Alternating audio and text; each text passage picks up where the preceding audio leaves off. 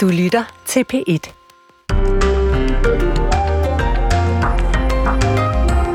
Godmorgen, velkommen indenfor. Det er dagen derpå for afslutningen af FN's klimatopmøde. Det er jo en stor historie herhjemme stadig.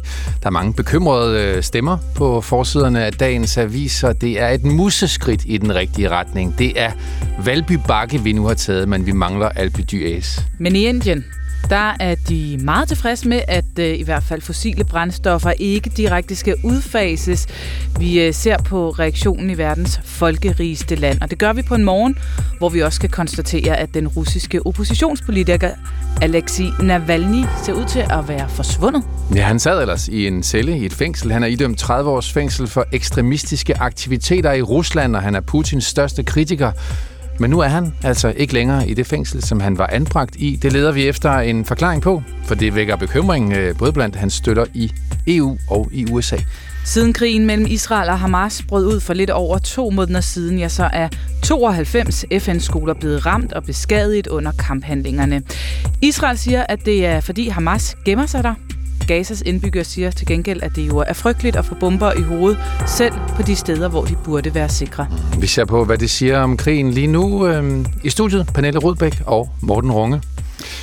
Men vi begynder med øh, de stramme politiske lovkrav på øh, kraftområdet, som øh, ifølge lægerne i hvert fald godt kan have den konsekvens, at man kommer til at lave forkerte prioriteringer, mm.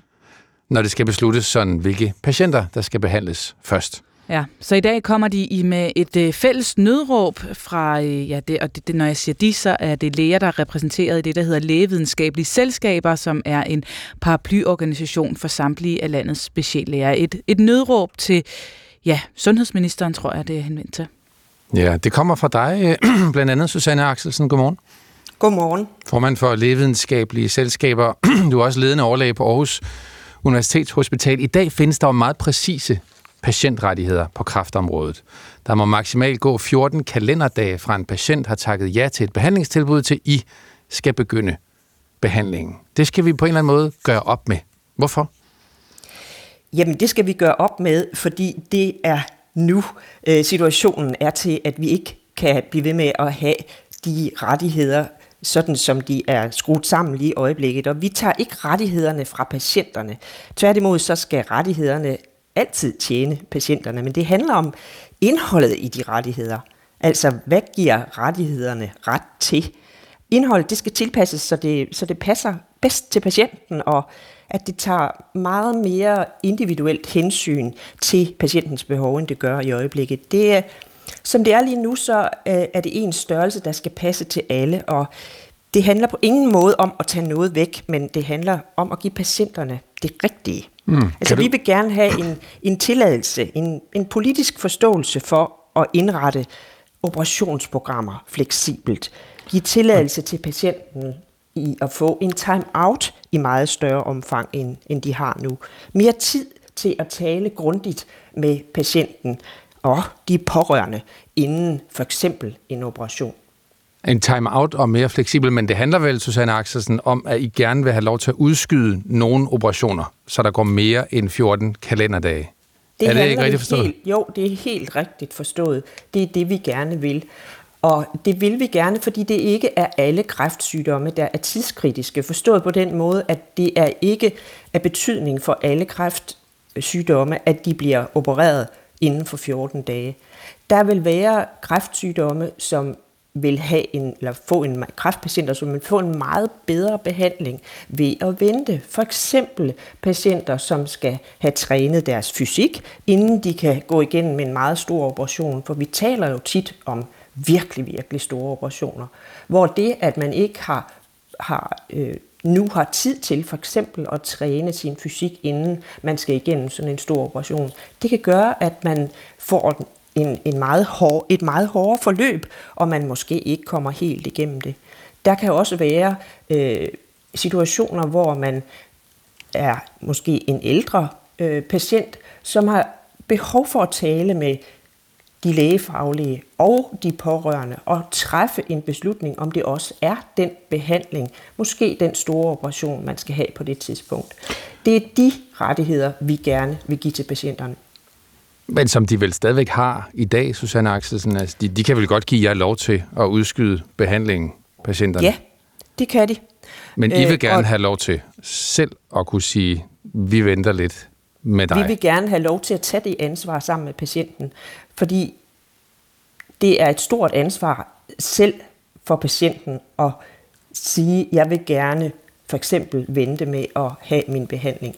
Det vil vi gerne hjælpe patienterne med at træffe. Den beslutning vil vi gerne hjælpe dem med at træffe ud fra en lægefaglig øh, information på et meget øh, på et meget højere niveau, end, end det foregår på i øjeblikket. Mm.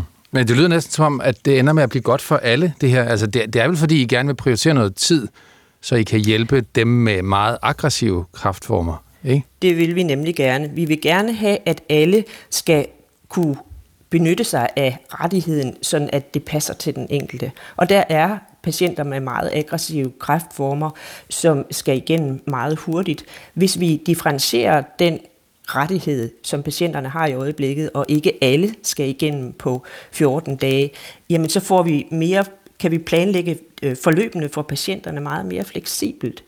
Det kan selvfølgelig lyde som om, at øh, det kan ikke det kan ikke være rigtigt, at man kan øh, planlægge mere fleksibelt, fordi vi har jo det samme antal kræftpatienter. Men jo, det kan man godt, hvis man har patienter, som ikke skal øh, opereres inden for 14 dage, som måske skal opereres inden for en måned eller inden for 6 uger, så kan man planlægge operationsprogrammerne meget bedre.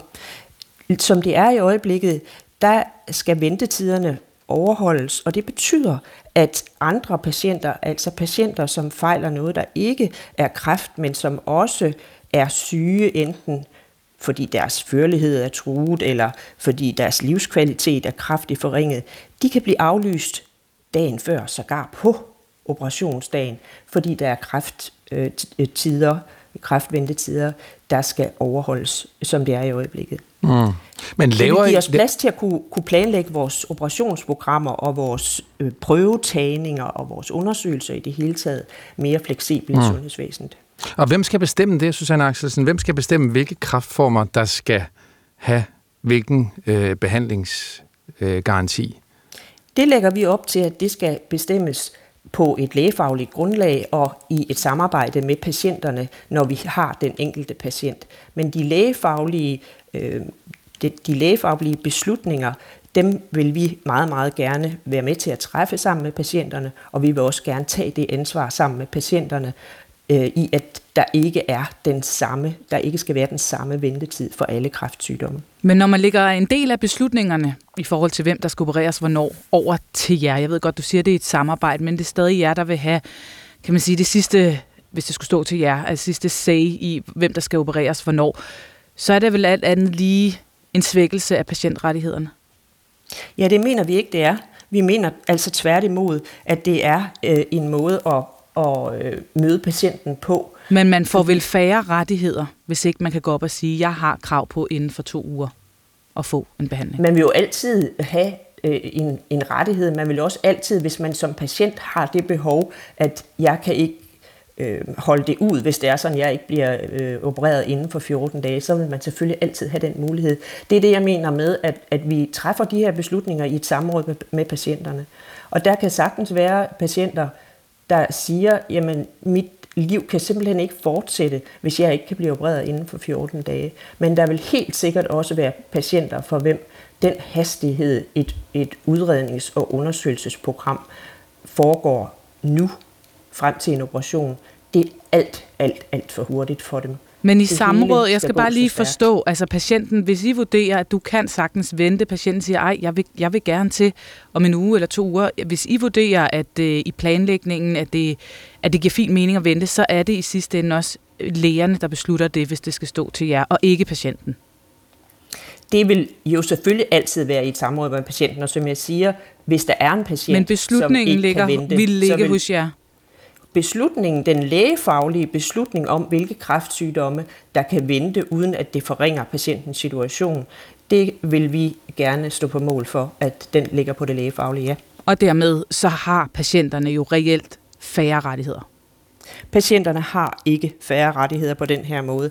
De her, det her forslag vil tjene patienterne bedre, øh, i forhold til, at Men det kan jo godt være, at det vil tjene dem bedre, dog bare med færre rettigheder. Det er bare det, jeg lige skal forstå. Altså, det er jo, det er jo, det er jo fint, at, altså det synspunkt, du har, men, men at de, har, de, har, de kan ikke banke i bordet på samme måde.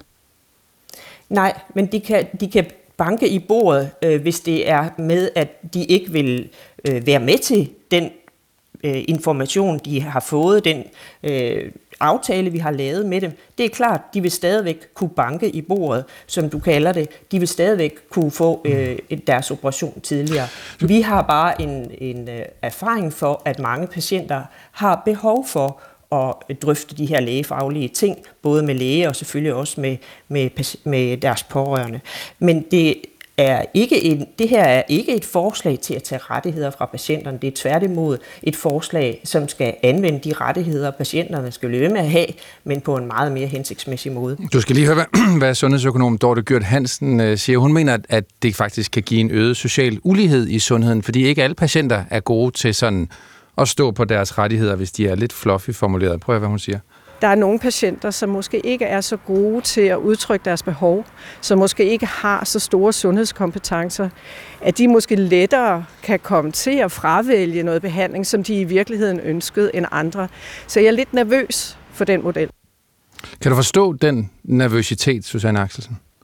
Jeg kan godt forstå nervøsiteten, men jeg synes øh, ikke, øh, at den på, på de lægefaglige vegne er den rigtige. Tværtimod, så vil det her kunne øh, give de øh, patienter, som er mere usikre på, hvordan deres forløb skal være, og måske ikke er så ressourcestærke, en mulighed for at netop øh, få en information, netop få nogle flere samtaler om, hvad er den rigtige behandling for mig, og også kunne få nogen med, som kan, kan støtte dem i deres beslutning. Så jeg er faktisk øh, mest øh, øh, for, at det her, det er også for den ulighed i sundhed, vi taler om i sundhedsvæsenet, kunne gavne og kunne give dem, der øh, ikke er så øh, ressourcestærke, nogle bedre beslutningsværktøjer. Mm. Du er jo øh, også ledende overlæge på Aarhus Universitetshospital, som jo i den grad har været vælten for at overskride garantier om kraftbehandlingstider. Tror du, en ændring af de her regler vil have betydet noget for jeres muligheder for at leve op til loven? Jeg kan ikke sige, om det vil have muligheder øh, i lige præcis den kræftsag, som har været på Aarhus Universitetshospital. Det kan vi jo ikke vide, om det her ville have gjort. Men at ændre på øh, ventetiderne for de øh, kræftsygdomme, som ikke er tidskritiske, der vil det helt klart give nogle muligheder for mere fleksibilitet på operationsgangene på alle de hospitaler, som opererer patienter for, for kræft. Tak fordi du var med, Susanne Axelsen. Velbekomme. Formand for læge videnskabelige selskaber og ledende overlæge på øh, Aarhus Universitets Hospital. Sundhedsminister Sofie Løde siger, at hun ikke vil ændre på kraftpatienternes lovfæstede rettigheder, sådan som ønsket blev formuleret her. Men hun vil gerne se på, om man kan skræddersy kraftforløb til den enkelte bedre. Ja. Klokken er blevet øh, 18 minutter over 6. Vi øh, vender os mod den klimaaftale, som øh, jo faldt på plads i går ved COP28. Både vores, globale, vores minister for global klimapolitik, Dan Jørgensen, og EU vedkender sig, at aftalen jo ikke er helt så ambitiøs, som man måske havde håbet på, men fremhæver dog som noget positivt, at det jo altså så er første gang både olie, kul og gas er nævnt i aftalen. NGO'er, små østater og en del forskere er så lidt mere kritiske. De er øh, kede af, at der hverken er nævnt udfasning eller nedfasning af fossile brændsler i aftalen, og så mangler der også ret mange penge til fattige lande, mener de. Men en ting er Dan, Danmark og EU, noget andet er, hvor meget aftalen så fylder fra, for en af verdens største udledere, nemlig Indien. Det skal du hjælpe os med at blive klogere på, Sonja Furu. Godmorgen. Godmorgen. Indien-korrespondent for Weekendavisen er med fra New Delhi. Øhm, her i Danmark, der var der jo øh, gule breaking bjælver på øh, nyhedsmedierne. Det er også på forsiden af, af alle aviserne her til morgen. Vi har hørt ja, tonsvis af reaktioner fra erhvervsliv, NGO'er, politikere osv. osv. Hvordan har øh, mediebilledet været i Indien oven på den her aftale? Jamen i går, da aftalen faldt på plads, der, der var jeg inde og tjekke diverse store indiske medier, og der var ikke breaking eller gule bjælker øh, nogen steder. Der var nyheder om alt muligt andet, der foregår i Indien. Men nu sidder jeg med det Hindu i dag, som er en af de største engelsksprogede aviser i Indien. Øh, og der er en kortere artikel på forsiden om, om topmødet. Øh, og her bliver det beskrevet, altså der bliver aftalen beskrevet som et kompromis mellem de rige og de fattige lande. Øh, men der er også en indisk forsker, der er citeret for at sige, at det er altså de rige landes ansvar at blive klimaneutrale øh, tidligere end de fattige lande. Og det er jo fordi, man i Indien mener, at de rige lande bærer et større ansvar for de udledninger, udledninger og, og de klimaforandringer, vi ser nu, end, end Indien gør. Men du skulle altså lede lidt aktivt efter at, at finde nyheder, historier om den her aftale. Er de ligeglade i Indien? Altså COP-mødet har været dækket i medierne, det er jo en stor global begivenhed, men man taler bare anderledes om det her. Øh, samt, altså man har ikke den samme moralske debat, som vi har derhjemme. Altså jeg har aldrig været til et indisk middagsselskab, hvor der er nogen, der har løftet klasset og begyndt at tale om, at de vil flyve mindre, eller de vil stoppe med at spise kød og begynde at tage øh, toget osv. Altså den debat har man ikke i Indien.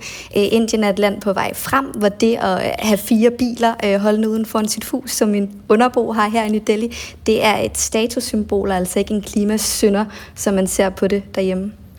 Men noget af det, som øh, EU jo har kæmpet for, det er en udfasning af fossile brændstoffer. Du siger, at Indien er et land på vej frem. Så hvor mm. står Indien på, på den dagsorden?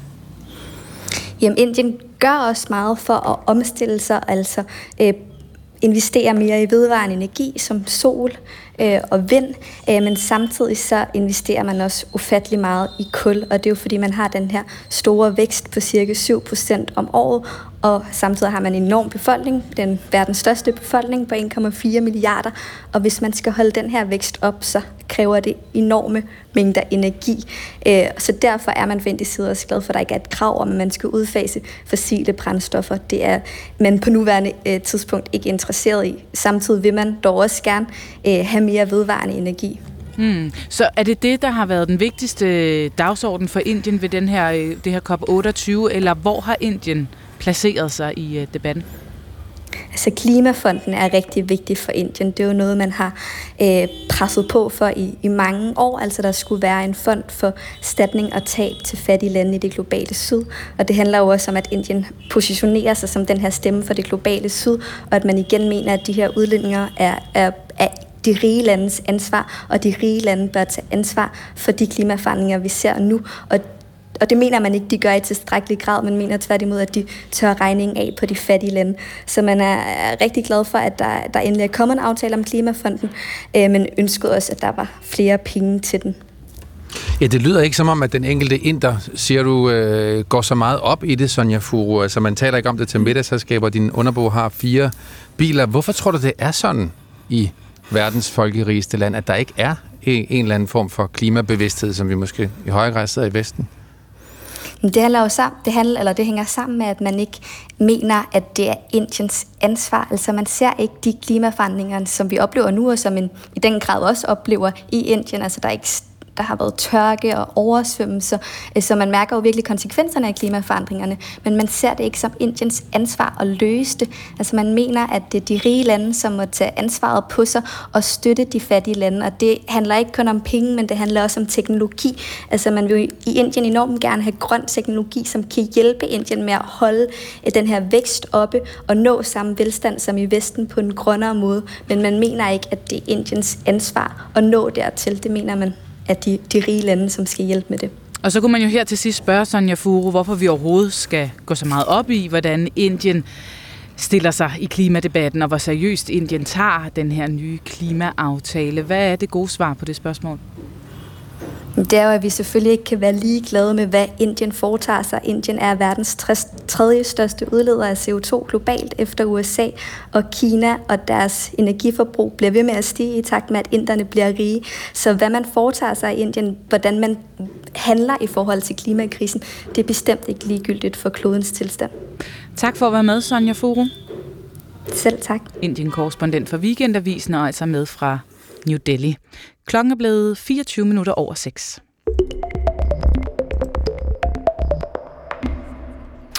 Putins største kritiker hedder Alexei Navalny, han har været forsvundet i over en uge fra det fængsel, hvor han afsoner flere domme på i alt 30 år for det, som øh, Rusland kalder ekstremistiske aktiviteter. Ja, nyheden om, at han var forsvundet, den kom øh, tirsdag i sidste uge, da en af hans advokater mødte op uden for fængslet for at tale med Navalny. Her fik advokaten at vide, at Navalny ikke længere var i den her fængselslejr. Ja. Charlotte Flint Pedersen, øh, godmorgen. Godmorgen. Du er direktør i Udenrigspolitisk Selskab. Hvad ved vi om Navalnys skæbne lige nu? Vi ved, vi ved faktisk ikke noget. Der kom et, øh, et, et kabel om, at øh, fra et sådan officielt medie, der hedder Barca, om, at han var blevet flyttet til et, øh, en, til et sted, et fængsel i Moskva, Men det har hans øh, advokater og hans øh, folk ikke kunne bekræfte, så de tror ikke på det, før de har konkret bevis for, at han er reelt blevet flyttet. Så lige nu siger de, at de ved ikke, hvor han er, mm. at andet end det her officielle øh, medie har, har sagt. Men man regner med en flytning, og ikke en regulær forsvinding? Øh, man regner med en flytning, fordi han fik, øh, Navalny fik endnu en, øh, en, en, en dom, eller skal, skulle få en, endnu en dom, hvor, hvor den her dom øh, ligesom forudsag, at han skulle i et endnu strengere øh, fængsel, end, end det han er i nu. Ja, altså man har hele tiden ah, ventet på, at han ville blive flyttet. Øh, men det, som bekymrer dommerne, eller bekymrer hans, øh, hans de folk, der er omkring ham, det er simpelthen det, at han skulle være dukket op i retten, og øh, af tekniske årsager kom, det, skete det ikke, og det, det plejer at være altså ret alvorligt, når at det kunne være på grund af sygdom, eller at man ikke rigtig vidste, om han var i en tilstand til at dukke op i retten. Så man er meget bekymret, især for hans, øh, hans fysiske tilstand lige nu. For. Men hvis han bare er flyttet og ikke forsvundet, hvorfor siger man det så ikke bare? Det er jo det, som i virkeligheden gør den bekymret. Hvorfor siger de ikke, at øh, han er flyttet? Eller det er jo også det, de har gjort nu, men stadigvæk så kan man ikke har, man, har, har hans øh, advokater, de folk, der er i hans organisation, ikke kunne bevise det, og de har gjort alt for at få bare det mindste tegn på, på liv fra ham. Og alle de her øh, spekulationer og bekymringer, Charlotte Flint Pedersen, øh, de hænger jo på en eller anden måde en lille smule sammen med, at der er valg i Rusland den 17. marts. Hvordan det? På den måde, at den 7. Oktober, 7. december, der skyder Putin sin valgkampagne i gang, og på samme tid så skyder øh, Navalny's organisation øh, også en kampagne i gang. Øh, og det betyder, at Navalny er lige nu den primære skal man sige, politiske modstander, der er overhovedet i Rusland. Og øh, så man ønsker ikke, at han på nogen måde skal have en platform for at øh, i virkeligheden at komme ud og, og komme ud med sit budskab. Og det, det er det, man nu ser, at, at man ønsker sådan set, at han på en eller anden måde forsvinder fra, enten forsvinder eller er fuldstændig tavs, mm. øh, og ikke kan få sin budskab ud. Men han har jo været god ellers, Navalny, til at være meget aktiv. Selvom han sidder i fængsel, så har han en hel række folk, og han, han har været aktiv på sine sociale medier gennem de år, han har siddet i, øh, i fængsel. Hvad er det, han ville... Øh, hvad er det, han kan sige, som Putin frygter så meget? Jamen, det er jo det der med hele tiden at, skal man sige, at, at fortælle, at kejseren ikke har noget, noget tøj på. Det her med at øh, fortælle om blandt andet den korruption, som finder sted i, øh, altså ind i Putins kreds. Det kan være at fortælle, at der er, altså i det hele taget bare at repræsentere et politisk alternativ til Putin, er nok i virkeligheden det aller altså allervigtigste i det her. Øhm, og øh, fortælle noget, som man ikke hører på de officielle medier. Og man ved jo, at folk de går på, på YouTube og hører nogle af de budskaber, som, som Navalny kommer med. Kunne Putin have brug for Navalny et eller andet sted i sit forsøg på at foregive, at der er en opposition i landet? Øh, det her, han har tidligere øh, lavet sådan nogle falske oppositionskandidater, øh, men Put, øh, Navalny er alt for farlig i den her sammenhæng, fordi han er en reel. Han har jo meldt ud, at han er en reel opponent. Han, er, han kalder sig også politiker. Øh, så, øh, og det, som er Putins mål med den, det her valg, det er sådan set at få 100% popularitet. Altså ikke kun øh, ved afstemningen, det betyder rent faktisk noget for ham at, at få en, en folkelig opbakning. Mm. Så derfor så øh, er, er altså Navalny, han er øh, en, altså han er en reel politisk modkandidat, så jeg tror ikke, at Putin har brug for Navalny. Tak for det, Charlotte Flynn Pedersen. Selv tak. Direktør i Udenrigspolitisk Selskab. Ville Jesus anbefale mig at holde jul med min voldelige eksmand? Tag en samtale med din tidligere mand. Hun tager nogle hensyn, som begrænser hende i at deltage i sin familie. Sandheden sætter fri. Ja, det tror jeg faktisk, den vil gøre her. Det vil i hvert fald sætte hende fri. Hvad siger Jesus til, at vi laver porno og elsker det? Altså, han, han stadig faktisk ikke særlig meget om sex. Jesus, han viser omsorg og accept. Han fordømmer ikke. Den der seksuel forskrækkelse i kristendommen, det tror jeg mest var Paulus. Mm. Han skrev for mange breve. Hvad ville Jesus have sagt? En radiobrevkasse med Iben Maria Søjden og tre præster. På P1 i DR Lyd søndag kl. 11. Klokken er blevet halv syv, og øh, Morten Snellauritsen er i studiet med morgens første nyhedsoverblik. Rusland vil formentlig de næste mange år udgøre en sikkerhedstrussel mod Vesten og Danmark. Så lyder det fra Forsvarets efterretningstjeneste i en ny trusselsvurdering.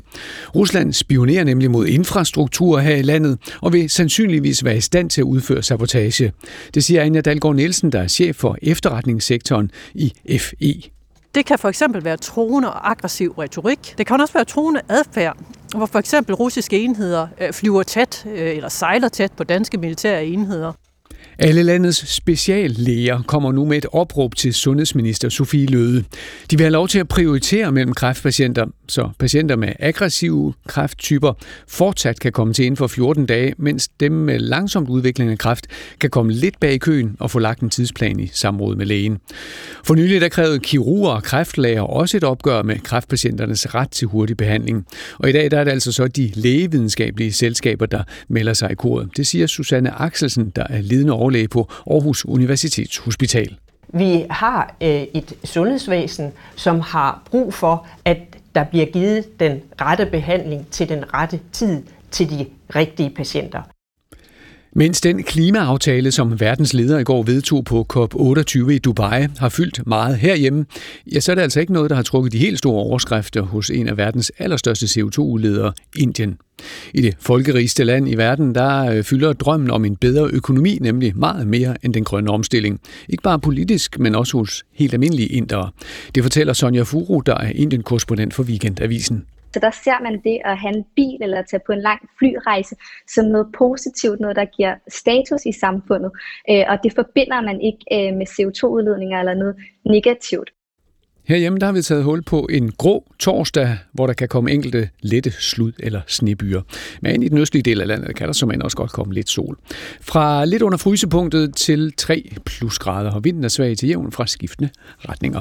Morten Runge og Pernille Rudbæk, så skal det handle om skoler under beskydning. Ja, fordi uh, siden krigen mellem Israel og Hamas brød ud for ja, lidt over to måneder siden, så er 92 FN-skoler blevet ramt og beskadiget under kamphandlingerne i Gaza. Det viser nye tal, som øh, FN's hjælpeorganisation UNRWA har sendt til os her i DR. Og øh, de her angreb, de har altså også kostet 284 mennesker livet, har såret mindst 976 personer. Og de her FN-skoler, de fungerer øh, som en slags tilflugtssteder og huser i alt over en million internt fordrevne. I alt så er der cirka 150 FN-faciliteter i Gaza. Hmm. UNRWA siger selv, at de deler skolernes nøjagtige beliggenhed med krigens parter, så de begge to kan undgå at øh, ramme dem, men det sker altså alligevel. Tallene, øh, ja, som du nævner, Pernille, om de her skoler, taler ind i et øh, storpolitisk spil. I går stemte et overvældende flertal i FN's generalforsamling for en øjeblikkelig humanitær våbenhvile i Gazastriben, og også fra sin nærmeste allierede USA, der mærker Israels premierminister Netanyahu noget af presset. Ja, fordi øh, selvom USA ikke stemte for den her resolution i FN-regi, så kunne man altså høre præsident Biden i går i nat dansk tid til et vælgermøde sige, at øh, øh, Israels øh, vilkårlige bombning simpelthen må til at ophøre. Godmorgen, Mads Korsager. Godmorgen. Vores forsvarskorrespondent her i DR. Hvorfor er det så opsigtsvækkende, at øh, de her 92 FN-skoler ser ud til at være blevet ramt af luftangreb under krigen? Jamen det er det, fordi det siger noget om øh, karakteren af de øh, krigshandlinger, der finder sted nede i, i Gazastriben. Øh, skoler og i, øh, i, i særdeleshed FN-skoler, hvor øh, civile søger tilflugt. Øh, det burde være steder, som, øh, som ikke er omfattet af, øh, af kamphandlinger, altså steder, som ikke burde blive angrebet. Øh, og øh, når vi så kan se, at, øh, at det sker i så øh, hyppigt øh, et omfang, som det gør, øh, og det faktisk koster relativt mange øh, menneskeliv, så, så siger det altså noget om, øh, om, om den krig, der, der foregår i, i Gaza lige nu, og det siger også noget om de omstændigheder, som, øh, som øh, de kæmpende parter øh, opererer under. Og Mads Korsager, det kan være, at vi lige også skal helt her fra start få slået fast, hvad er en FN-skole egentlig? Ja, men det er simpelthen, i, i det her tilfælde er det en, øh, en, altså en regulær skole, en uddannelsesorganisation, som er drevet af, af FN's øh, hjælpe, øh, nødhjælpsorganisation i øh, blandt andet øh, Palæstina, som hedder UNRWA, eller de øh, palæstinensiske områder, undskyld. Øh, det er øh, UNRWA, som, øh, som driver de her øh, skoler. Og fordi at det er under FN-regi, er, de så, altså så er der en særlig beskyttelse omkring de her skoler, når der er krig? Ja, dels så er der øh, krigens lov, som er jo et, et, et sæt regler, et sæt internationale regler, som, øh, som skal sikre, at øh, civile mål ikke bliver øh, en del af kamphandlingerne, altså at de simpelthen ikke bliver beskudt. Og oven i det, øh, så er der en... Øh, metode, der bliver brugt af FN, hvor de øh, simpelthen øh, giver Øh, begge krigens parter nøjagtige koordinater øh, af, hvor de her skoler ligger. Altså, og ikke bare deres skoler, som jo er relativt faste installationer, men også øh, centre, hvorfra de, øh, der bliver uddelt øh, nødhjælp. Øh, steder, hvorfra man kan få øh, førstehjælpsbehandling og, og sådan noget. Så, så, så, så det er altså ikke sådan, at, at, at, at hverken de israelske militærstyrker eller Hamas for den sags skyld kan sige, at vi vidste faktisk ikke, hvor de lå, fordi det har vi fået at vide. Og vi har så i vores research koncentreret os os om skolerne, fordi der er, øh, der er rigtig meget øh, tog på slagmarken dernede nu. Der er, det er svært at skelne informationerne fra hinanden, men nu har vi simpelthen prøvet at stille skarpt på de her øh, skoler og ligesom at se, jamen øh, det er dog øh, bestemte adresser og fast definerede øh, installationer, og så har vi øh, kigget på, jamen hvordan går det egentlig med dem, og det viser os faktisk, at, øh, at de relativt ofte øh, bliver og er blevet ramt. Hmm. Og Mads Korsager, jeg bliver lige hængende, fordi uh, inden vi snakker videre, så skal vi netop ud på en af de her FN-skoler, som er blevet ramt af angreb. Den hedder Al-Fakuda-skolen. Den ligger i Jabalia i det nordlige Gaza. Skolen den er blevet ramt hele to gange. Første gang, det var den 4. november, og uh, vores journalist på P1 Morgen i Nam Nabil fortæller her, hvad der skete den morgen. خبز بطعم الدم du kan få friskbagt brød med blodsmag til morgenmad i dag, siger Shirin Abuljachni. Shirin viser sporene frem fra et luftangreb, der momenter for inden har ramt al skolen Drengeskolen er en af 153 FN-skoler drevet af UNRWA, og den her ligger i byen Jabalia i det nordlige Gaza. Ligesom 1,3 millioner mennesker, svarende til lidt over halvdelen af Gazas indbyggere, er Shirin flygtet til netop en FN-skole, fordi de i tidligere krige mellem Israel og Hamas har kunne være i sikkerhed der fra bombardementerne. Men ikke den her gang. Ikke den her morgen den 4. november, som startede som de fleste andre morgener under krigen. Mens mændene forsøger at skaffe mel, ældre kvinderne dejen på skolens udearealer. Først hører Shirin et brag. Hun får et sug i maven, får hurtigt øje på sine børn, inden det andet brag lyder. Shirin løber ud til et af de opslåede telte på skolen, men her ser hun fraktioner, angiveligt fra et missil, så hun tager sine børn i hånden og løber mod tre i skolegården og videre ind i et klasseværelse sammen med andre i et forsøg på at komme i sikkerhed. Men igen bliver de angrebet fra luften, og denne gang kommer det tæt på Shirin og de mennesker, hun er sammen med. Og nu skal jeg advare om, at Shirins beskrivelse af, hvad hun ser i og omkring klasseværelset, kan være voldsomt at høre.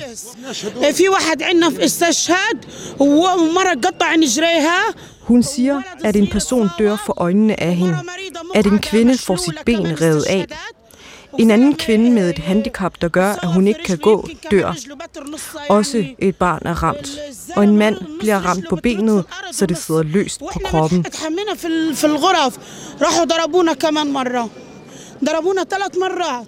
Vi kan fortælle, hvad der er sket på skolen, fordi vi i DR bruger en lokal palæstinensisk fotograf til at være vores øjne i Gaza.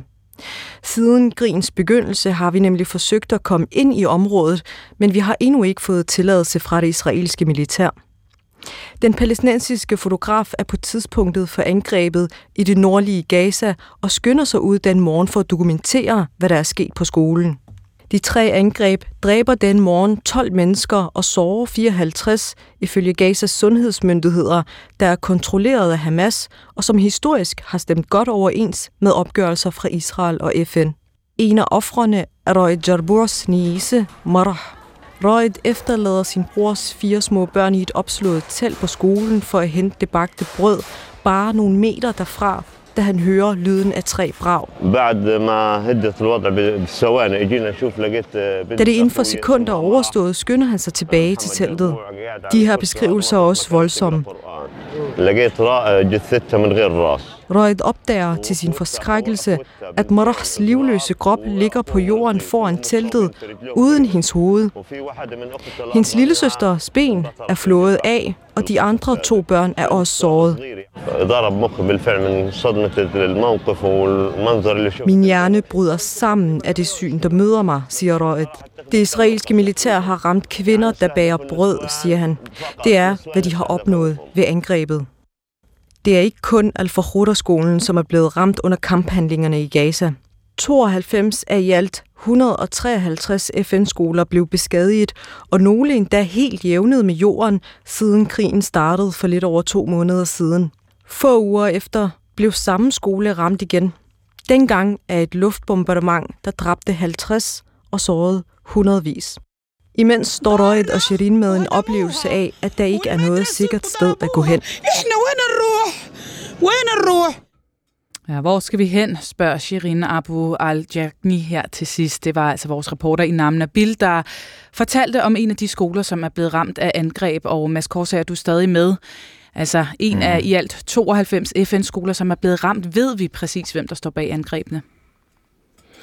Nej, det kan vi ikke sige med sikkerhed. Altså begge parter, øh, Israel og Hamas, de har jo øh, ting, der kan skyde og, og eksplodere, men det er overvejende sandsynligt, at i, i de tilfælde, hvor det er sådan større skyt, om jeg så må sige, der er faldet ned fra himlen, så er det altså Israel, der står bag, fordi øh, det er de eneste, der, der råder over det, altså øh, flybomber og øh, artillerisystemer og, og den slags. Men det kan bestemt ikke udelukkes, at der i nogle af de her tilfælde også er øh, Hamas-våben, der står bag. Altså, øh, de har også øh, morterer, og de har også øh, en slags øh, panserværnsraketter, og, og de her raketter, som de sender ind over Israel, som jeg ser. Så, så nej, vi ved, vi ved faktisk ikke, og vi kan ikke skælne, hvem der har stået bag de enkelte angreb. Mm. Og vi har hørt det løbende gennem krigen, et argument fra Israels side, når der bliver bombet, også hvor der er civile, så kan det være fordi, at man mener, at der også øh, er øh, folk fra Hamas, der gemmer sig, der kan være våben osv. Ved vi, om det kan være tilfældet ved skolerne?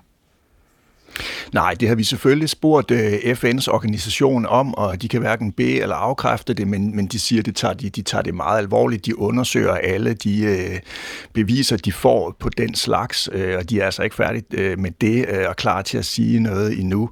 Men vi ved, at uh, Hamas de uh, bruger guerillakrigens taktik, altså hvor man så at sige blender ind i civilbefolkningen, eller i hvert fald kæmper fra og blandt civilbefolkningen, så der er jo selvfølgelig en, en overvejende sandsynlighed for, at der også i nogle af de her tilfælde har været øh, en slags, i hvert fald, militær mål på, på de her øh, adresser eller skoler, men det er ikke noget, som vi i, i vores research på nogen måde øh, kan sige med sikkerhed. Tak for at være med, Mads Korsager. Velbekomme. Vores forsvarskorrespondent her i DR. Og vi har også spurgt statsminister Mette Frederiksen, hvad hun siger til, at 92 FN-skoler er blevet ramt i Gaza, og hun understreger, at Israel skal overholde krigens love.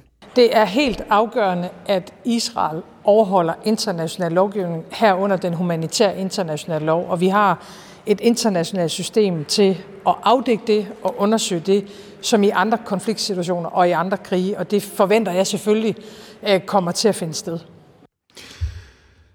I dag begynder et øh, meget afgørende EU-topmøde for Ukraine. EU-landenes regeringsledere skal, skal diskutere fortsat økonomisk støtte til Ukraine, og om man formelt er parat til at indlede optagelsesforhandlingerne med Ukraine om EU-medlemskab. Forud for mødet så har der jo været en, øh, må man sige, dalende økonomisk støtte til Ukraine, både fra USA og EU. Det trækker i hvert fald ud. Det er svært at få de her pakker igennem. Men øh, i går ja, der annoncerede statsminister Mette Frederiksen så, at Danmark vil øh, komme med en ny donation på næsten 1 milliard euro. Og det gjorde hun øh, til Nordisk Ministerråd, hvor øh, også flere andre lande kunne præsentere nye bidrag. Ja. Godmorgen, Mathilde Kimmer. Godmorgen. Det er altså Ukraine og Ruslands korrespondent med fra øh, Kiev. Hvordan bliver nyheden om en ekstra milliard euro modtaget i Ukraine? Ja, den bliver jo ikke så overraskende modtaget med, øh, med stor begejstring. Det kører faktisk på, øh, på fjernsynet lige nu, at øh, Zelensky står der blandt sine øh, nordiske øh, kolleger. Øh, Ukraine har brug for alt, og øh, jeg tror også, at det falder på et enormt tørt sted, at man lige de seneste par dage har kunne melde til ukrainerne, at der kommer de her, altså det er jo mange penge, øh, en milliard øh, euro. Mm, I det store ukrainske system er det, er det måske ikke så meget, men det er et kæmpe stor værdi, at man kan sige, her er vores venner, og de bakker os op. Mm. Og på fjernsynet lige nu, øh, Mathilde, som du nævner, øh, fortæller man også, at det er på et tørt sted, og man ikke har så mange penge, som man måske gerne ville. Mm, nej, det gør man ikke. Øh, nu kan man sige, at de store ukrainske tv-kanaler er jo gået sammen om ligesom at, at samsende deres nyheder, og det er også en meget øh, strømlignet, tror jeg vil sige, øh, fortælling, der foregår der. Og der prøver man jo ikke at gøre voldsomt meget ud af de, mm, de lidt dystre tegn, der også er i horisonten. Så man sørger for at festligholde, når der kommer de gode nyheder mm. øh, fra den vestlige verden, som for eksempel det her norske og danske bidrag. Og på mødet så i dag, der er der altså både medlemskab til EU og muligheden for flere penge. Hvis nu Ukraine kun kunne vælge en, hvad er så vigtigst? Medlemskab af EU eller flere penge? Jamen, det er lidt ligesom at skulle øh, vælge, om man vil have noget at spise, eller man vil være fri. Ikke? Altså, du har brug for begge dele. Hmm.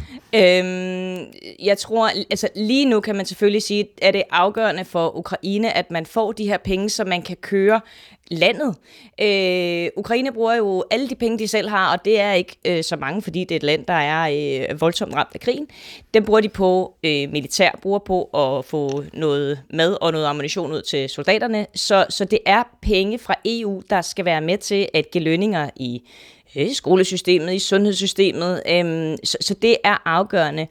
Og over på den anden side snakker vi jo sådan den lidt længere bane. Mange af de voksne i hvert fald, som, som jeg har talt med over de seneste dage, de er jo enormt interesseret i, at, at den her aftale om at kunne komme ind i EU på et tidspunkt, det er jo deres børns garanti for at få et bedre land, hvor de ikke skal slås ligesom deres forældre. Hmm. Hvad vil der ske? Du siger, at de fleste penge bruges på, på militæret. Hvad sker der med Ukraine, hvis pengene ikke kommer, eller hvis, hvis, hvis antallet af kroner, der ryger ind, falder drastisk? Øh, altså, hvis der slet ikke kommer nogen penge ind, så går, øh, så går Ukraine jo øh, falit. Altså, så kan man simpelthen ikke betale. Man kan hverken betale gæld eller, eller lønninger. Øh, det tror jeg nu heller ikke kommer til at ske. Jeg tror, det helt store spørgsmål lige nu er jo, om øh, Europa eller EU er villige til at give lidt længere øh, løfter, end, øh, eller de vil give kortere løfter. Og det er også klart, ligesom i en privat økonomi, hvis du ved, du har en indtægt i et år frem, eller hvis du ved, du har en indtægt i fire år frem, det gør enormt stor forskel på, hvordan du kan øh, prioritere, og, og, og, og hvor langt du tør tænke fremad. Hmm. Og mens alt det her sker, har vi jo også en, en modpart i krigen. Hvordan øh, reagerer Rusland på, hvad man vil godt kunne kalde en dalende vestlig støtte til Ukraine?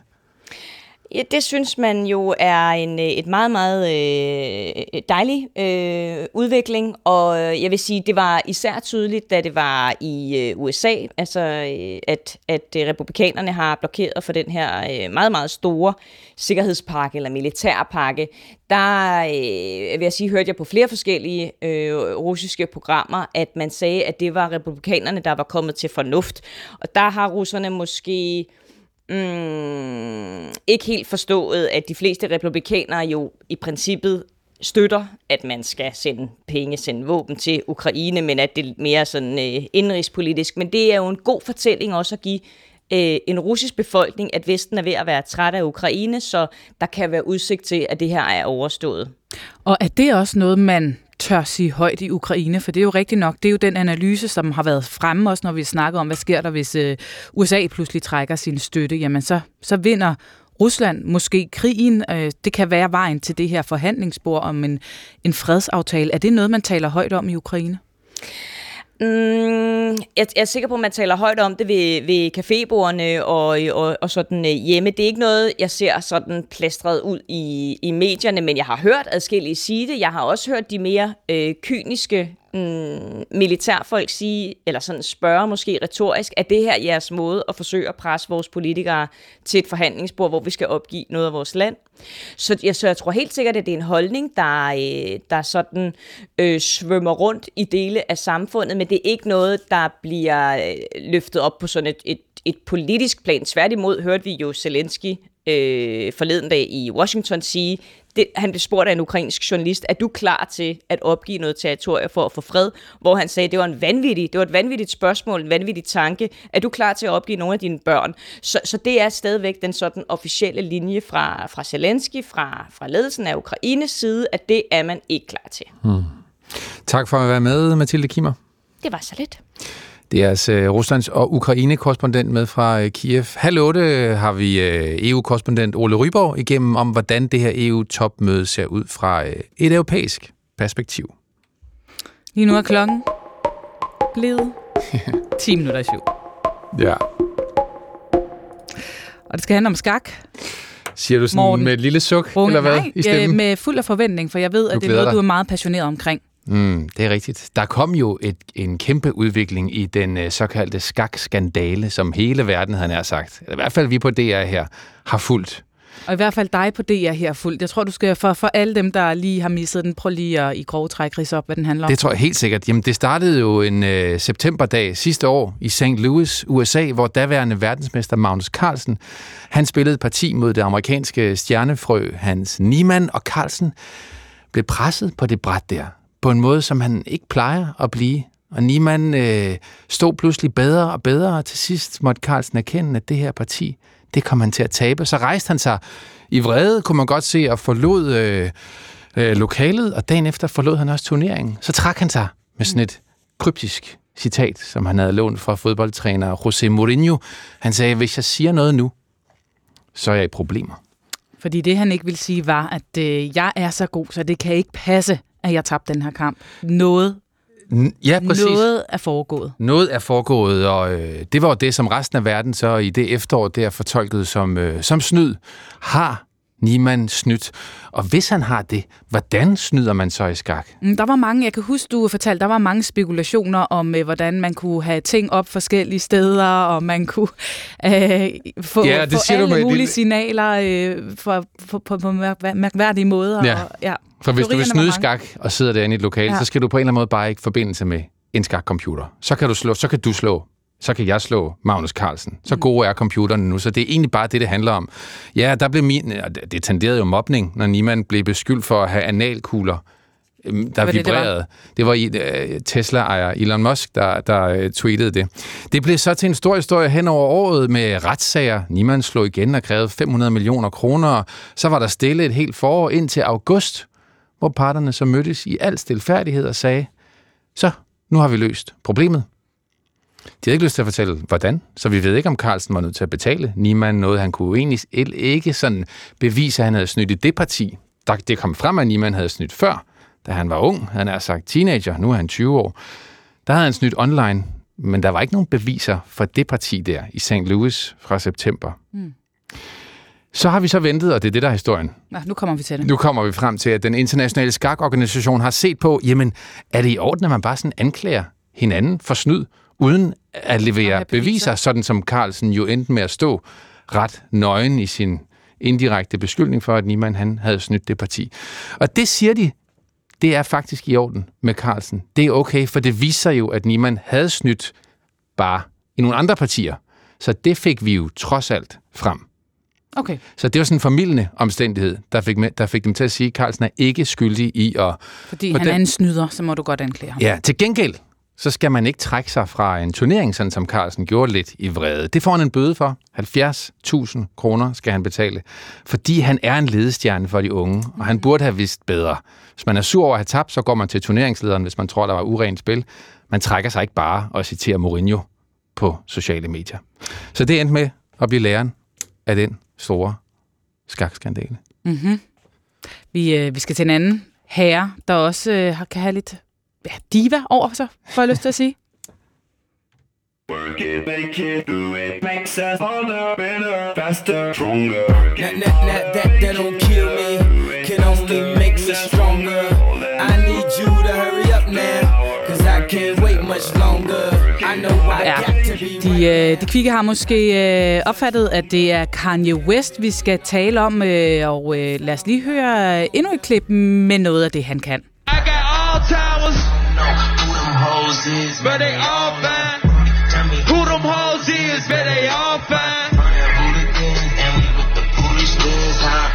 Anti-Semitic, I just fucked a Jewish bitch, I just fucked Ja. Jeg har lige knaldet den, en øh... jødisk kælling, lyder det her fra Kanye West. Ja, det var det citat, du lige skulle bruge, Pernille. Det var nemlig det, jeg skulle bruge, fordi han har det jo ved at, med at vække opsigt, ham her Kanye West. Ikke? I den her video, der har han, øh, ud over hans øh, synger det her, der har han også iklædt sig en sort hætte, som en til en ligner de huer, som den øh, racistiske organisation KKK har på. Kanyes hætte er dog, i modsætning til KKK, sort og ikke hvid. Mm.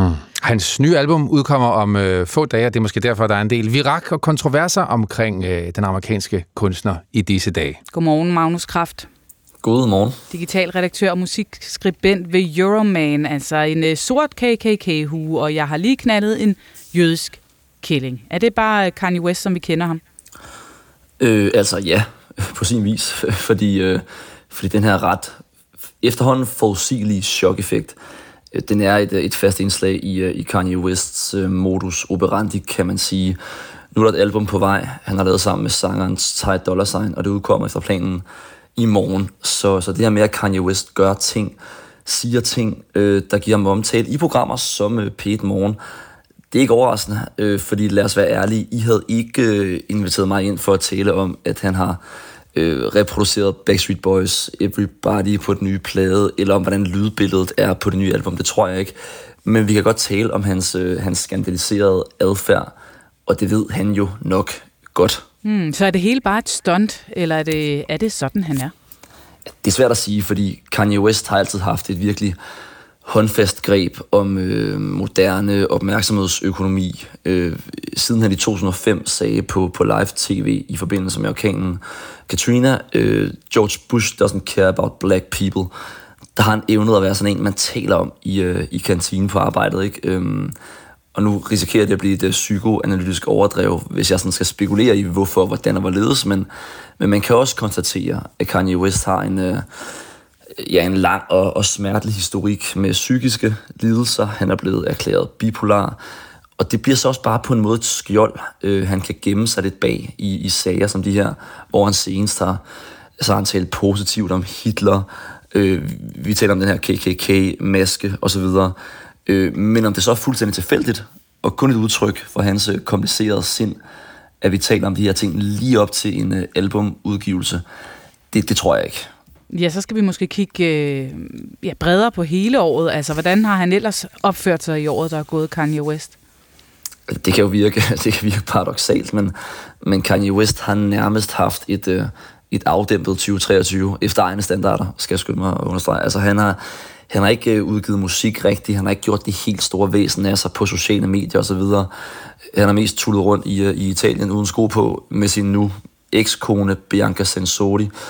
Øh, så uden at fjerndiagnostisere, kan man godt sige, at han jo altid svæver et sted mellem de her geniale, kreative indfald, og så total nedsmeltning. De sidste mange år, desværre med, med størst vægt på, på sidstnævnte.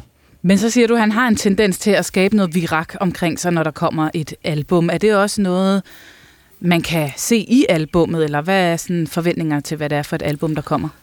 Ja, vi har fået mulighed for at høre ganske meget af det til det her lytteevent i tirsdags i, øh, i Miami, hvor han bar den her omtalte KKK-maske. Øh, Baseret på det, jeg har hørt, så er forventningen, at der vil være momenter af altså udsøgt kvalitet, men at helhedsindtrykket vil være meget sigende, rodet og, og usammenhængende. Han har også en forfærdelig evne, Kanye West, også til at efterredigere sin album, efter de er udkommet, fordi der er måske lånt lydbider, øh, han ikke har juridisk rygdækning for at bruge, eller fordi han simpelthen bare synes, at øh, musikken skal lyde anderledes, end han syntes, da han øh, udgav den. Så jeg tror, det bliver noget rod for, for Jeg tror, det bliver noget råd. Så her, ja. altså, han er blevet 46 år, han har udgivet 12 album. Altså, synes du, at han stadig har noget at byde på? Er han stadig relevant? Ja, det synes jeg faktisk, han har. Altså, øh, det er klart, at alle artister i takt med, at de bliver ældre, bliver mindre og mindre relevante. Sådan har det været til, til alle tider, men faktisk er det imponerende, at Kanye West stadig bringer noget til bordet øh, på et rent musikalsk øh, plan, og det synes jeg, han gør. Han kan stadig producere som, øh, som ingen andre. Øhm, man kunne bare ønske, at det hele blev kurateret lidt, øh, lidt strammere, øh, fordi det hele nu går tabt i sådan en mm. altså nærmest manisk udgivelsesproces. Tak for det, Magnus Kraft. Selv tak. Digital redaktør og musikskribent ved Euroman. Kanye West går rundt i Italien uden sko på. Det var det, jeg hæftede mig ved. Og med det slog klokken 5 minutter over syv. Pæt morgen er i luften. Godmorgen og velkommen indenfor her i øh, studiet. I dag er vi Pernille Rudbæk og Morten Runge.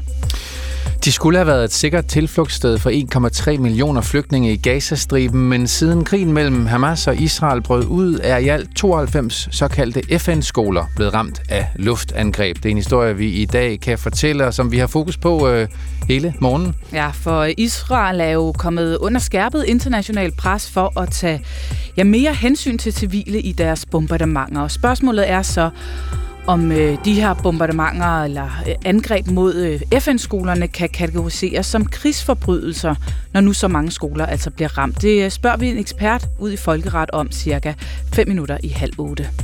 Kære sundhedsminister, vi vil gerne have lov til at ændre på kraftpatienternes rettigheder, så vi kan prioritere bedre. Sådan lyder opråbet, brevet, henvendelsen fra en lang række læger i dag til Sundhedsministeriet. Men i kraftens bekæmpelse er de skeptiske, når de læser med på det brev. Vi spørger dem, hvorfor det er et problem.